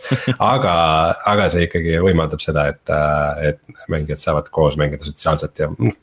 kaalutlused, see on ikkagi pikas perspektiivis äh, õige valik aga ma olen äh, siin chat'is tuuakse välja seda, et ja olen mujalt ka kuulnud, et, et see launch läks suhteliselt libedalt, et tavaliselt ikka alati on ju mingid probleemid ja mingid connection'id ja asjad, et, et, et inimesed ei saa sisse ja peavad ootama ja. ja aga arvestades, et tuli ju välja ka konsoolidel samal ajal, siis äh, vist läks äh,, läks libedalt. PlayStation viiel vist oli mingisugune litsentsi probleem, mille, millest oli juttu jah äh,, aga vist sai lahendatud või igatahes selle hala selle ümber ei ole nagu olnud liiga suur mm. -hmm. et põhimõtteliselt nad ikkagi seekord said aru, et ilmselt hakkavad päris palju mängijaid seda mängima ja.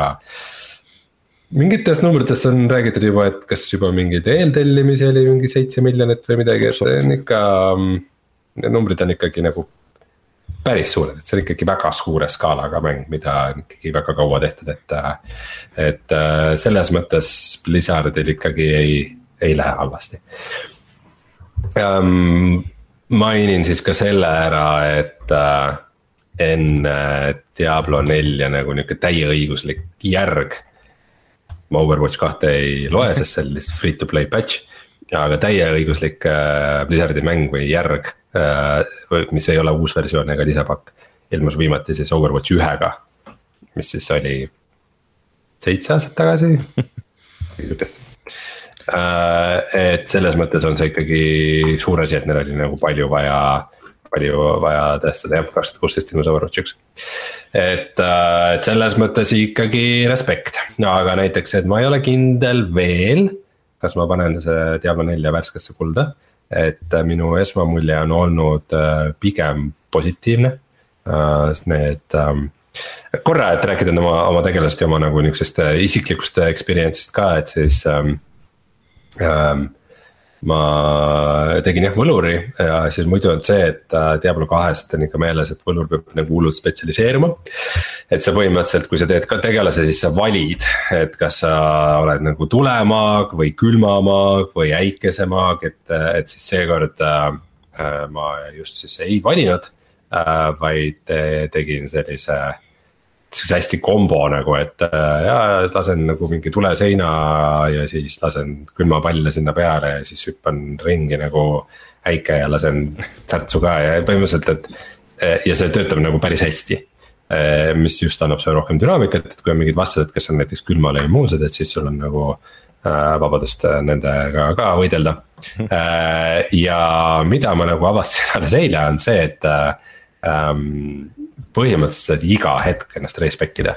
et kõik, mis sa maksad, on lihtsalt kuld, et sa saad, lihtsalt maksad natukene kulda täiesti hoo pealt põhimõtteliselt nagu mm, mingisugune oma äh, skill välja vahetada mm. ja, ja loobuda mingitest skill, skill idest ja võtta teise tasemele, et nagu ikkagi väga-väga dünaamiline oma nagu sellised ülesehitused, mis on. Mis on natukene isegi ehmatav, aga ma arvan, et see on ka ikkagi pikas perspektiivis pigem äge mm. -hmm. ja mis ma olen praegu mingil level kahekümne viie kandis või midagi sellist, et liiga palju ei ole just mänginud, aga mingisugune, mingisugune aimdus on e,. alguse maailmad on mingid hullud siuksed Ida-Euroopa teemad, siuksed hästi hästi nagu siuksed hallid ja porised ja siuksed äh, ja kõik räägivad siukse Ida-Euroopa aktsendiga, väga, väga, elu väga raske, kartul väga vehe.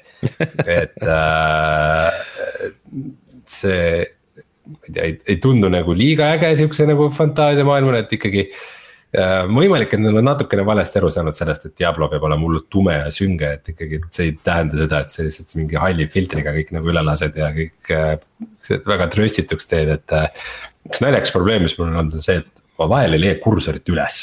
et äh, kursor on ka sihukest halli värvi ja siis, ja siis see nagu sihukesel hallil taustal kuidagi.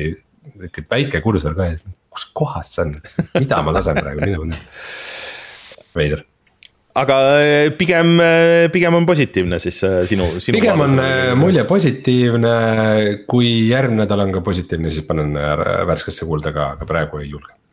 et öeldakse, et sa oled level kakskümmend viis või midagi sihukest, et level viiskümmend on endgame juba, nii et, et sa oled juba poole mängu peal. no see teine pool läheb ilmselt aeglasemalt. hobust ma ei ole veel saanud hmm,. okei okay no aga siis äh, järgmine nädal kuuleme täpsemalt loodetavasti, et äh, kuidas läheb Reinul Diablo neljas ma olin täiesti valmis selleks, et, et sa ütled, et ah äh,, ma ei tea ma olin nagu negatiivselt meelestatud, ma ei eita seda ja ma ikkagi, ikkagi olen nagu skeptiline kõige suhtes, mida Blizzard praegu teeb ja mis see tiim, mis selle kallal töötab, aga ma ütlen, et on nagu täiesti arvestatav šanss. et tegu on kõigi aegade kolmanda Diabloga mm. okay. see, see on hea pakkumine nii, aga okay, Martin, Martin aga..., tuleme sinu juurde jah, et äh, sina mängisid huvitavat mängu sellel nädalal. ja mul on ka see asi, et äh, ega nüüd ei ole liiga palju mänginud äh, System Shocki, aga selle eest ma panin selle juba värskesse kulda ära ah.. et System Shock on siis uus versioon peaaegu kolmekümne aasta vanusest FPS mängust, mis on nüüd ikkagi täiesti, täiesti uh, uueks tehtud uh,. meil videopilt jookseb siis originaalist praegu mm. -hmm mitte üldse sellest remake'ist no,. et tegelikult, nüüd juba on jah, okei okay,, nüüd panen, aga noh, System Shock oli siis tegelikult see mäng, mis pani algus, alustuse, alguse sellisele rollikas sugemetega FPS-ile kus sul tõesti on nagu inventar, kus sul on asjad, sa korjad päriselt üles asju. ja ta oli selline mõnes mõttes selline anti-doom täiesti. Mm.. sinu suureks vastaseks seal on äh, mm, suures kosmosejaamas äh, selle tehismõistus, kellel sa just mängu alguses võtad ära kõik eetilised barjäärid mis lõpeb kõik väga halvasti. Ja, ja loom-, ja loomulikult siis sa pead hakkama sellega ja, ja kogu selle zombiväega, kes seal kosmosejaamas on võitlema võib-olla peaks alustama sellest, et seal on väga selline oma stiil kogu sellel remake'il ja selline, milline ta nagu välja näeb. et see on selline väga äge segu tegelikult sellisest vanakoolist ja, ja sellistest äh, kaasaegsetest äh, võtetest. ma ei oskagi nagu teist sellist mängu nagu päris nagu kuskilt kõrvalt nagu tuua isegi, mis midagi sarnast nagu teeks. et seal on äh, see huvitav asi, mis äh, mul on videotes silma jäänud, et, et seal on nagu, et noh, see on Unreal nelja mäng äh,. aga et need tekstuurid, et kui sa noh kui sa kaugelt vaatad, siis need on, kõik on äh, noh, nagu tunduvad moodsad, aga kui sa lähed vaatad lähedalt, siis mitte nad ei ole nagu udused, vaid nad on nagu pikseldatud veits. jaa, täpselt. see on väga, väga nüüd, suur look jah, täpselt, väga õigesti seletad ära, aga samas on selliseid äh, äh erinevaid atmosfääri efekte seal mm, -hmm. valgusefekte ja, ja peegeldavaid pindu ja kõike seda on jälle nagu tänapäevaselt. kus sa harjud, et kõik on nagu sellised poleeritud pinnad pigem, on ju, ja sellist mm -hmm. detailsust on nagu vähe. ja rääkides detailsusest, siis see on nagu täiesti, see, see algus oli isegi minu jaoks natukene selline mm, nagu liiga palju. et sa saad väga palju erinevaid asju seal üles korjata, millest enamik on äh, lihtsalt äh, junk. Et seal ongi paljudel asjadel äh, sulg taga, et see on junk, aga noh, sa saad seda ümber töödelda ja selle eest saad omakorda nagu ressursse. et ta on nagu hästi noh, siin algus on suhteliselt lihtne, saad kohe ruttu saad relvad, aga hästi palju pead ikkagi võitlema lihtsalt sellise mm, Eh, ja relvad saavad hästi kiiresti, sul on neid palju erinevaid, aga kuulid saavad väga ruttu otsa. ja vaenlased eh, spoonivad uuesti, mis tähendab seda, et, eh, et sa võimalikult ruttu pead tegelikult selle leveli ära puhastama. ja ära puhastama mitte niivõrd vastastest, kui vaid tegelikult kaameratest, mis seal siis nii-öelda saadavad neid uusi vastaseid sulle peale mm., et tegelikult Oota aga see struktuur on nagu lineaarne või, või sa saad ikka käid samades kohtades uuesti või kuidas see? Ei, sa saad samades kohtades uuesti käia, aga see progresseerumine on äh, lineaarne selles mõttes et sa saad natukene ah,, alguses sul on kohe päris suur selline ala lahti ja sa pead seal käima ringi, otsima erinevaid asju, sa ei tea tegelikult, mis on see õige suund. mis on mingi pusle, mis sa pead lahendama, mis on mingi kood, mis sa pead kuskilt leidma, mis on mingi audioloog Mm, mida sa pead, vot audioloogid minu meelest tegelikult olid System Shock kahes, ma ei ole kindel, et kas need ühes olid. Aga sellest ühte ma tegelikult ei ole originaali väga pikalt mänginud. aga siiani see on kindlasti, mina ütleks, et, et see on üks, System Shock on iseenesest üks mänguajaloo väga olulisi mänge. ja selle uus versioon on tegelikult väga, väga mõistlik asi, millega seda proovida mm.. et mina nagu soovitan seda kõigil teha, see hind on suhteliselt mõistlik, nelikümmend eurot ei ole täis. Selle versiooni on teinud siis äh, Night Dive, kes nüüd vist just alles ju ära osteti, ma mõtlen. ja Atari all nüüd. jah, et äh, ja nad on teinud seda tegelikult seitse aastat, et nad alguses vist tegid äh, päris kaugele valmis Unity versiooni, aga siis said aru, et see ei ole kõige parem ja alustasid nullist vist uuesti, et see Unit, et see oli vist Kickstarter alguses ja, ja see Unity versioon vist läks isegi Kickstarteri toetajatele juba välja, et, et, et. ja demo oli vist jah ja., kunagi oli ka Unity demo isegi vist isegi olemas mm -hmm. jah. aga mina igal kindlasti soovitan mängida, et see on tõesti selline väga omapärane ja äge asi aga muidugi nende mängudega, mis on nagu just esimesed, mis justkui teevad midagi või, või. kas need on siuksed esimesed katsetused või, või need on nagu eraldi head mängud äh,, on nagu alati sihuke hea küsimus, et kui keegi kellel ei ole selle System Shock ühega nostalgiat või, äh, või keda ei huvita ka selline mänguajalugu, kas nemad peaks seda ka mängima? Äh, noh, kindlasti on natuke neil natuke nõksa nagu raskem sinna minna sisse. aga mina soovitaks kindlasti nendel kõigil, et ma arvan, et väga paljudel need, kes on mänginud System Shock kahte. aga ei ole seda ühte mänginud äh, vähemalt ka nagu tervenisti läbi nagu mina et kes ongi nagu sellest ajast, kus System Shock kaks tuli ja siis üks tundus nagu liiga vana ja keeruline võib-olla. eriti nendele, kes sellel olid noored, et ühesõnaga siis eh, ma arvan, et see on nagu hea koht, kus minna nagu sinna tagasi, sest nüüd see on nagu kenasti ligipääsetav igas mõttes ja sellega oli ähm, Digital, Digital Foundry tegi väga hea ülevaate üleüldse nagu System Shockist ja sellest äh, remake'ist. Äh, ja sellega on lihtsalt veel see vigur, et see on hetkel väljas ainult äh, PC peal, et seda ei ole hetkel konsoolidel, aga pidi millalgi vist tulema. et aga, aga hetkel veel ei tea, millal nii et äh, minul tekkis küll kohe nagu huvi, kui ma vaatasin seda ja, ja see on väga hästi häid hindeid saanud ja, ja igalt poolt, nii et, äh, et äh, üks. et aastal, millal on juba mitu väga-väga äh, head remake'i, siis äh, üks juurde sinna listi vist aga ma räägin ka siis kohe otsa oma uue mängu ära. ma ei ole kunagi olnud tänavakakleja suurem asi. Olen olnud rohkem Mortal Combatis inimeste külmutaja või, või siis peade ärakiskuja. Äh, aga Street Fighter kuus, nii kui äh, hakati seda, neid esimesi treilereid näitama äh, ja siis hakati ka pikemalt rääkima sellest, et mis see tegelikult on tekitas must kohe huvi ja mul on hea meel, sest et see on mind väga positiivselt ikkagi edasi nagu üllatunud, et ma proovisin küll seda demo. aga demos oli noh, suhteliselt vähe asju, aga, aga see see nagu täismäng on ikkagi nagu eriti äge. et äh, tegelikult sul jaguneb see kõik nagu kolmeks, et äh, see on klassikaline sihuke versus kus sa saad siis mängida ühe ekraani taga äh, või siis, või siis online'is. siis on sihuke nagu hub, kus, mis on nagu sihuke veitsa nagu sotsiaalne element, millest ma kohe räägin siis pikemalt ja siis on üksikmängu osa Äh, kus sul on sihuke Yakuusa-laadne avatud maailm, kus äh, sul on äh, inimesed, kes annavad sulle quest'e, sa saad kõikide eh, nähtavate eh, tegelastega tänava peal kakelda, siis sa leiad seal story põhiselt eh, mingeid kuulsamaid tüüpe Street Fighteri maailmast, kes annavad sulle veel siis oma neid võimeid ja siis sa saad enda, sa teed nagu te, mängu alguses enda karakteri ja need, sellel karakteril kõik, mis sa talle külge paned, kõik need kehaosad, kui pikad, suured need on, see tegelikult mõjutab seda kuidas ta kakleb ja, ja siis sa saad neid äh, tegelastelt äh, saadud erivõimeid, eriliigutusi siis äh, omavahel kombineerida ja mis, mis sulle nagu moveset'e siis ise ehitada, et mis sulle nagu rohkem meeldib. ja see on nagu story liselt ka nagu vajalik seal kohati.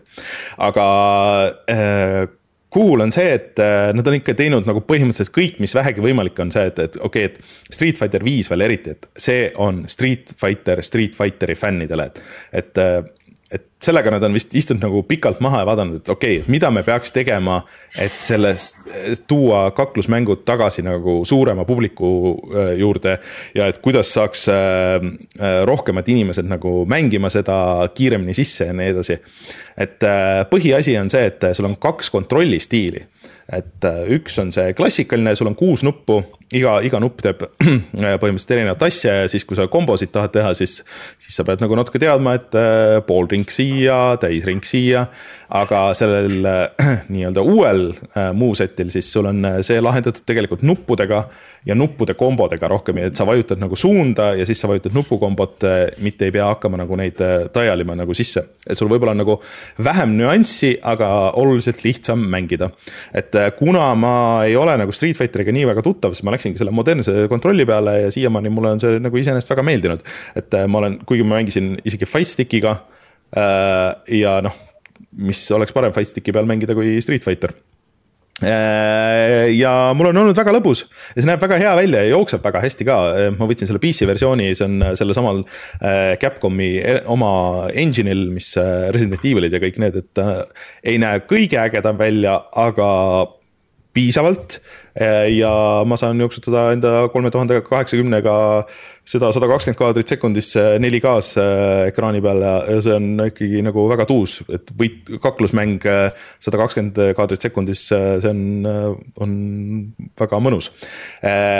aga siis see kolmas mode on nagu, see on eriti naljakas, et, et sa lähed, sul on nagu sihuke suur äh, messisaal, kus on hästi palju siis äh, erinevaid arkaadimasinaid ja siis sa näed ka teisi inimesi, ehk siis see on äh, ongi nagu sihuke online space ja, ja et kui kaks inimest lähevad, istuvad ühe arkaadimasina taha, siis sa saad kakelda, kui sa tahad ise nagu kellegagi kakelda, sa võid istuda maha ja siis ootad, et keegi liitub sinuga.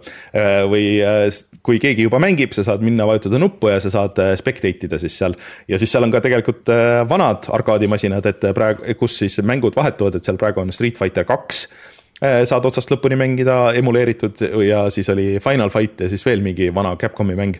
et äh, samal ajal, kui sa võib-olla ootad sõpru või, või siis. Äh, see on päris äge, äge lisa tegelikult. jah, et see on sihuke natuke nagu loll, aga samas see on piisavalt hästi tehtud, et see töötab jumala hästi, et sa näed, mis keegi teeb, sõltuvalt kus serveris sa oled. ja ta on ka ju täiesti cross-play, et sa, seal on eraldi see sõbrasüsteem, et sa võid noh sõltumata, mis platvormil sõber on, kas on Playstation, Xbox või siis ma ei tea, vist, kas see tuli Switch'i peal ka.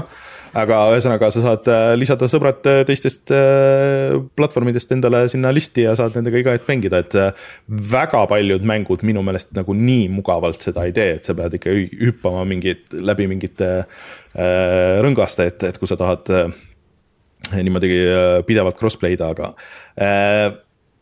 aga jah, et ma olen mänginud nii seda tänava story mode'i natuke pikemalt ja siis mängisin äh, seda arkaadi osa, et sihuke klassikaline see, et äh, tee viis kaklust ja siis sul vahel on story ja siis, äh, siis on lõpus on bossi võitlus ja siis saad väike, väikest cutscene'i näha ja, ja see on kõik töötab hullult hästi äh,. ilgelt nagu siukse ägeda stiiliga, väga hea musa, sihuke, sihuke Jaapani modern džäss äh,. mingisuguses street võtmes äh, töötab ka hästi äh,. väga palju asju, mida sa saad unlock ida, tegelasi, kellega kakelda on kohe alguses palju. et ainuke asi, mis vist kunagi hiljem tuleb, mida praegu teha on, ei saa, on see, et sa ei saa online'is nagu mängida nende avataridega avataride vastu, mis sa teed et äh, sa küll näed nende teiste omasid seal selles, selles online space'is, aga, aga sa nagu omavahel nagu kakelda nendega ei saa, aga see vist tuleb millalgi hiljem, et. et inimesed teevad ikka mingeid totaalseid värdjaid seal, et see oleks, vahest oleks, oleks huvitav vaadata, et kuidas, kuidas selline kaklus läheb, et. Äh, aga äh, ja uued tegelased tunduvad ka cool'id, mina olen mänginud muidugi praegu nende osade vanematega, seal oli Cammy ja, ja kes seal kõik need kuulsamad on, on ju. John Lee'd ja, ja, ja tüübid, et et äh, ma kindlasti paneks selle ka värskesse kulda, et äh, panin juba ära, ära muretse, juba panin juba selle jutu peale, ma sain juba aru, lugesin. Et äh, nii ägedat äh, kaklusmängu mina ei mäleta pärast äh, Mortal Combat ühte-teist, et äh, ja uus Mortal Combat ju tuleb ka selle sügisel, nii et, äh, et see on, on väga tuus. Sinnamaani, et see on selles mõttes äh, hea mäng, äh, mis, mida vahepeal võtta, mängida siis Breath of the Wildi või tähendab, vabandust, Tears of the Kingdom'i vahele mida ma olen ka siis muidugi nüüd kõvasti edasi mänginud, aga, aga ma sellest rohkem pikemalt ei räägi, kui see, et ma sain selle autopildi kätte ja see tõesti muudab seda mängu nagu ikka väga palju, et äh, kus sa saad ühe nupuvajutusega ehitada kõiki asju, et sa ei pea kõike nagu nullist iga kord alustama ja nii edasi, et teeb selle ehit-, ehitamise protsessi väga palju mõnusamaks. tore. Vot äh,, aga nii, mis teil veel on? Rein, sul oli veel midagi mäng, äh, mängitud? ja ma korra vahele torkan ühe mängu, millest ma pole varem rääkinud äh, nimega Hellsplit Arena ähm,. mis on siis äh, VR-i mäng, mida mm ma mängisin Steamis, sõber kinkis sünnipäevaks midagi äh,, rohkem ka. kakskümmend üks eurot on ta muidu hind ja mm, kui VR-is kipub olema see, et on palju siukseid mänge, mis tunduvad nagu siukesed, sa saad sealt teha nagu veits ühte asja ja siis teed seda uuesti ja uuesti. et äh, näiteks sellise, üks populaarsem selline võitlusmäng on nimega Blade and Sorcery ähm,. mis on põhimõtteliselt, sa lähed are areenidele ja lihtsalt väga julmalt äh, kakled. või äh, siis kunagi me mängisime veidi rohkem üks mängu nagu Gorn mm., kus sa suurte musklitüüpide vastu puseled areenil ja vaatajad hulgavad rõõmust, kui sa kellegi pea purustad nuiaga näiteks. siis eh, Helplit Arena on ka natuke selline mäng, aga, aga tal on justkui ka mingisugune story kampaania vähemalt nii ma arvasin. Eh, põhimõtteliselt on siis tegu sellise mängu, et sa lähed mingile areenile ja siis äh, igasuguste mm, erinevate keskaegsete relvade abil, kas siis mõõgad, kirved äh, Äh, kahe käe relvad, äh, odad, vibud, ähm, äh, püstolid. siis võitled sihukeste zombilaadsete elukatega. ja äh, saad selle eest raha ja siis kampaania seisnebki selles, et äh, sa käid järjest nendel areenidel. saad sealt raha, tapad seal kõik zombid ära. ja siis unlock'id mingi uue relva ja siis lähed yes. järgmisele. see on kogu kampaania ah, ja vahepeal on ka mingisugused siuksed äh, cutscene'i lõigud, kus sa vaatad mingisugust joonistatud pilti ja siis äh, siis voice over räägib, kui jube tähtis see kõik on, mida sa teed um,. aga ma saan aru, et siin on. hobused. FPS äh, hobuse sõitmine VR-is või? Jaa, mis on äh, päris uus äh,, ma just jõudsin nüüd levelisse, kus oli, oli hobune küll äh,. see Heibi video, mida sa näitad seal vahel on mingid Skyrimi klipid, et need otseselt ei ole sellest mängust, aga, aga muidu. ja et sa saad näiteks ähm, põhimõtteliselt, et see on nagu füüsikaline, füüsikaline võitlus, et sa reaalselt saad siis hobusega kapates su mõõks, siis saab kogu selle nagu hoo juurde, mis tuleb sellest kiirusest.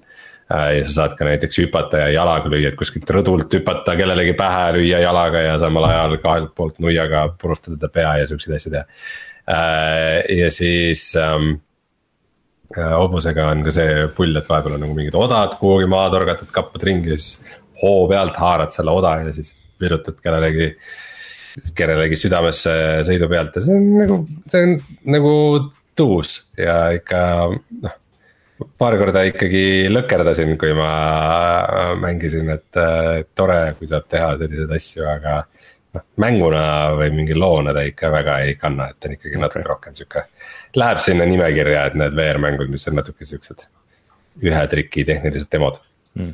Ähm, jah, ega sellest väga palju polegi mõtet ilmselt äh, rohkem rääkida, lihtsalt äh, mainisin ära, et nüüd on, nüüd on proovitud, et ma juba arvasin, et see on midagi teistsugust, aga ta ei ole ta ei ole halb mäng, aga lihtsalt teeb väga lihtsat asja äh,. siis enne seda, kui see Diablo neli nüüd tuli, siis ma nüüd olen nädalaid mänginud God of War'i, et vahepeal, kui mind ei olnud, siis ma mängisin ikkagi peaaegu ainult God of War'i äh,. Ragnaröki siis, seda teist osa, mis tuli välja eelmisel sügisel, mängin seda Playstation viiega. ja äh, tegu on jah, jätkuvalt siukse. Kas läks paremaks? kas hakkas rohkem meeldima? mitte otseselt, selles mõttes, et nagu kõik on tore, kõik on ilus, kõik on huvitav äh,. ta on hästi tehtud, ta meeldib mulle, tal on niuksed kõrged produktsiooniväärtused ja sellega on töötanud äh, palju tublisid inimesi. aga jätkuvalt on mingi pinge nagu puudu, et äh, kuidagi ei ole tunne, et midagi väga hullult oleks kaalul või keegi oleks väga ohus või selline. Selline veits selline teeme asju niisama, sest miks mitte äh, tunne um, üks asi, mille, paar, paar asja, mida ma märgiks ära. Äh, mis on võib-olla siuksed väiksed kriitikad, aga siuksed veidrad asjad, et. Äh, põhimõtteliselt sul on siis jällegi mingisugune nagu sõlmmaailm, kus sa missioonide vahepeal oled ähm,. siis seal äh, maailmapuu sees väike majakene, ühe päkapiku maja ja siis mm, sealt sa saad valida, et mis maailmasse sa lähed, et justkui nagu lugu suunab sind ühte maailma aga sa saad ka minna teistesse, et teha nagu mingid kõrval quest'e ja siis äh, on ka niuksed lisamaailmad. ja siis äh,, et kõige esimene niuke nagu missioon, kuhu sa lähed, on see Aldjate maailm mm,. Alf, Alfheim ja siis sul on valik, et sa võid minna ka Muspelheimi äh,, siis sellesse hauatagusesse maailma et põhimõtteliselt nagu harjutada ja mingit challenge'id teha ja nagu siukseid asju, et, et tasub ära sihuke harjutamine.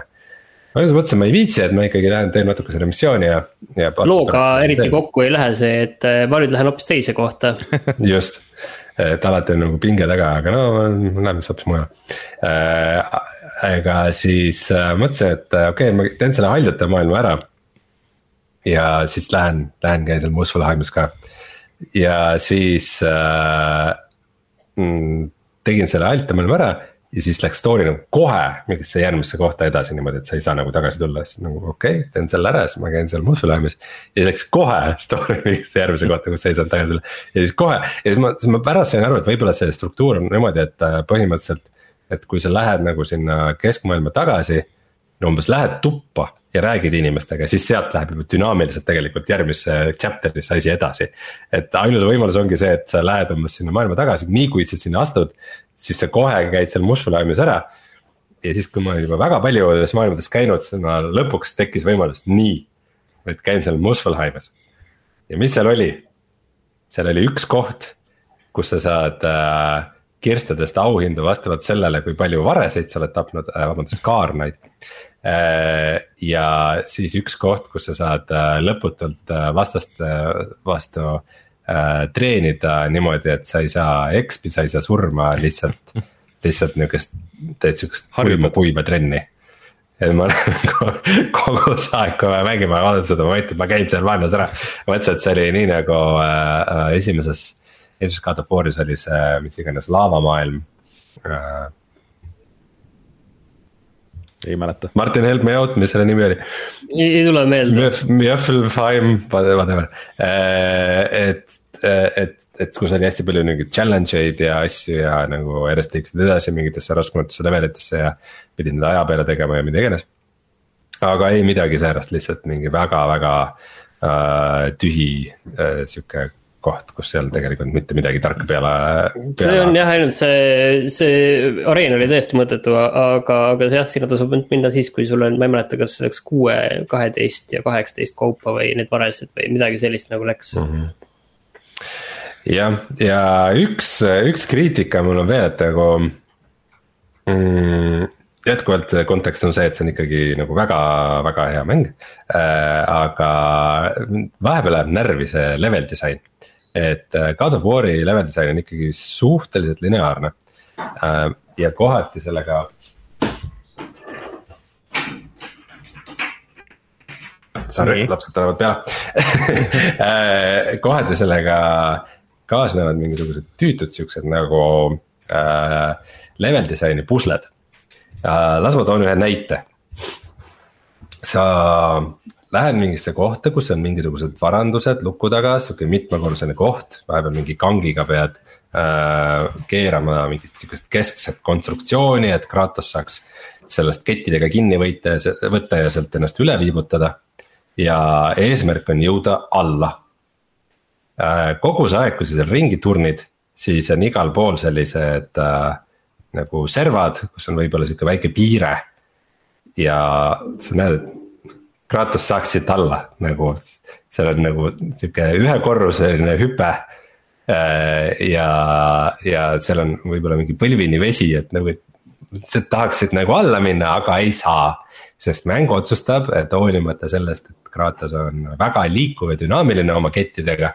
siis sa ei saa sealtkaudu sinna, et selle asemel sa pead otsima mingi ühe nurga, kus sa näed mingit äh, punast tünni, mida siis äh, peab äh, äh,. Atreus peab ole, oma vibuga laskma, siis plahvatab mingi asi, siis on mingi üks koht, kus sa pead ronima sealt tagant, seal on mingi kang, saavad teise asja. ja siis lõpuks sa jõuad kuhugi üles servale. kus sa oled siis õige nurga all, et Kratos saab siis kettidega kinni võtta põrandast ja söösta läbi selle põranda niimoodi, et see puruneb. ja siis sa saad sinna alla et palju. mul tuli vist see koht meelde, mida sa mõtled, mul tuli see koht meelde, jah. aga noh, see oli nagu üks kõige ekstreemsemaid näiteid, aga sellist nagu level disain'i on veel, et nagu, et kui see nagu miks ma ei saa sinna minna? ei, see, see on see, mida level disainer mõtles sinu jaoks. see on see, mida ilmselt on väga raske veel pärast seda, kui sa oled Tears of the Kingdomit äh, mänginud, kus sa võid äh, no ükspuha, kuidas pähe tuleb, siis sa suure tõenäosusega saad selle lõpuks niimoodi tehtud et äh, pärast seda on ilmselt väga raske minna tagasi sellesse, et, et okei okay,, ma pean nüüd leiutama täpselt välja, mida siin üritati mõelda ja et see on. vot see ongi, vot see ongi see, et see toimub ainult, toimib ainult siis, kui see on nagu mega elegantselt presenteeritud, et kui kõik on nagu nii, et sa ei mõtlegi selle peale ja tundub, et mm. mäng lubab sul täpselt seda teha, mida sa tahad, aga nii mm -hmm. kui nii kui see korra nagu see kvaliteet kuskil võbeleb mm., siis kohe on nagu, et mingi, mis toimub, mida ma tegema pean, mida sa tahad mu käest uh,. mille juurde käib veel see, vaata üks kõige suurem of War Ragnaroki kriitika on see, et uh, need su abilised hakkavad kohe mulisema, kui sul on mingi mõistatus ja, oh, äkki sa võiksid, äkki sa võiksid ju seda kohta seal. kakskümmend, kakskümmend sekki, kakskümmend sekundit ja põhimõtteliselt, kui sa jääd korra natuke uurima vaatama, aga, aga see on ka. just see oli ka võib-olla seal viimases Last of Us'is ja seda kahjuks viimasel on päris tihti. eks ma saan aru, et eks see, see põhjus selle jaoks on see, et noh, paljud mängijad. Pacing, et äh, mine nüüd tempo peal ja mine, mine. et ilmselt nagu on mingid fookustestid on ju, mis ütlevad, et nagu mängijad jäid toppama ja kaotasid huvi ja mis iganes, et, et see ei ole ilmselt päris nagu, et mängutegijad on lihtsalt nõmedad ja sellepärast see on nii. aga, aga äh, mulle ei meeldi see, et see on nii ebakonsistentne. sest on kohad, kus äh, level disain on segane, kus täpselt ei saa aru, mis sa tegema pead ja siis sa mõtled, et no fine, et kui see on see mäng, mis ütleb mulle, mis ma tegema pean, no ütle siis. ja siis nad ei ütle ja siis äh, ja siis sa oled nagu stuck ja mõtled nagu, et nii. mis, mis see nagu nüüd, äh, mis kohas ma pean olema, et see nagu helendav asi nüüd mulle õigesti silma paistaks, et nagu siis ma olen seal õiges kohas, et niuksed, niuksed vot ongi see, et kui on nagu kvaliteetne mäng, siis siuksed väiksed kvaliteedivõbelused kohe nagu võivad sul nagu mm. tempo ära rikkuda. selle peale ka, et see, mis Twitteris on palju nalja tehtud, et äh, ripp äh, selliste God of War'i äh, laadsete mängude disainerid, kes iga esmaspäev nüüd tööle tulevad ja siis nende keegi liid ütleb, kuulge, et ma mängisin seda ähm, Tears of the Kingdomit siin nädalavahetusel ja kui meie teeks ka et ähm, ilmselt nii mõnigi mäng äkki siis saab, saab ähm, rohkem dünaamiliseks sellest, selles võtmes, et, et kui mm -hmm. Nintendo suutis Switch'iga teha seda, et miks meie ei suuda.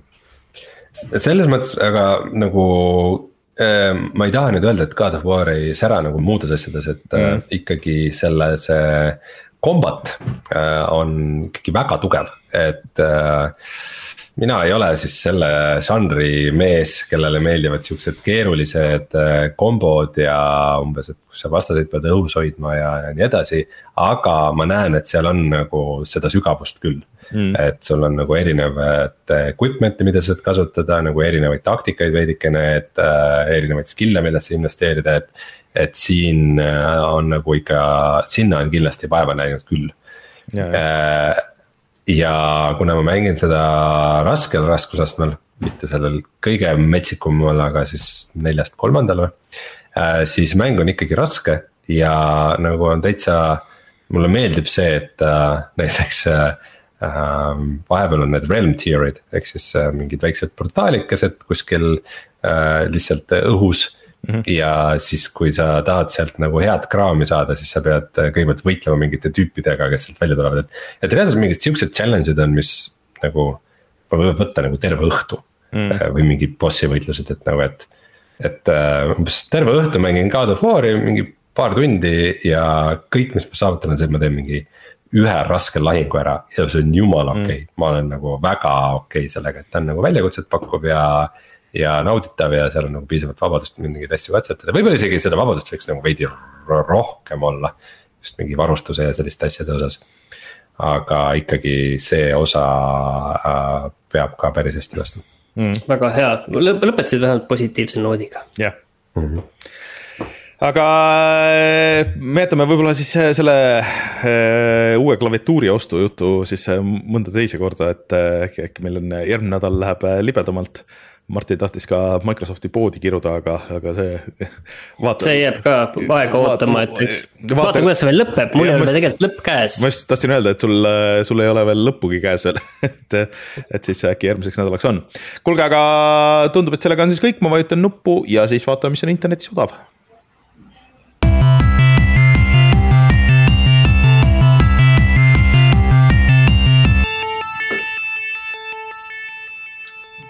täna oli minu saak äh, küllaltki lahja, et Epicus on Payday kaks tasuta. see on vist selle puhul, et nüüd vist tuli ka uudis, et Payday kolm tuleb nüüd lõpuks vist äh, septembris välja.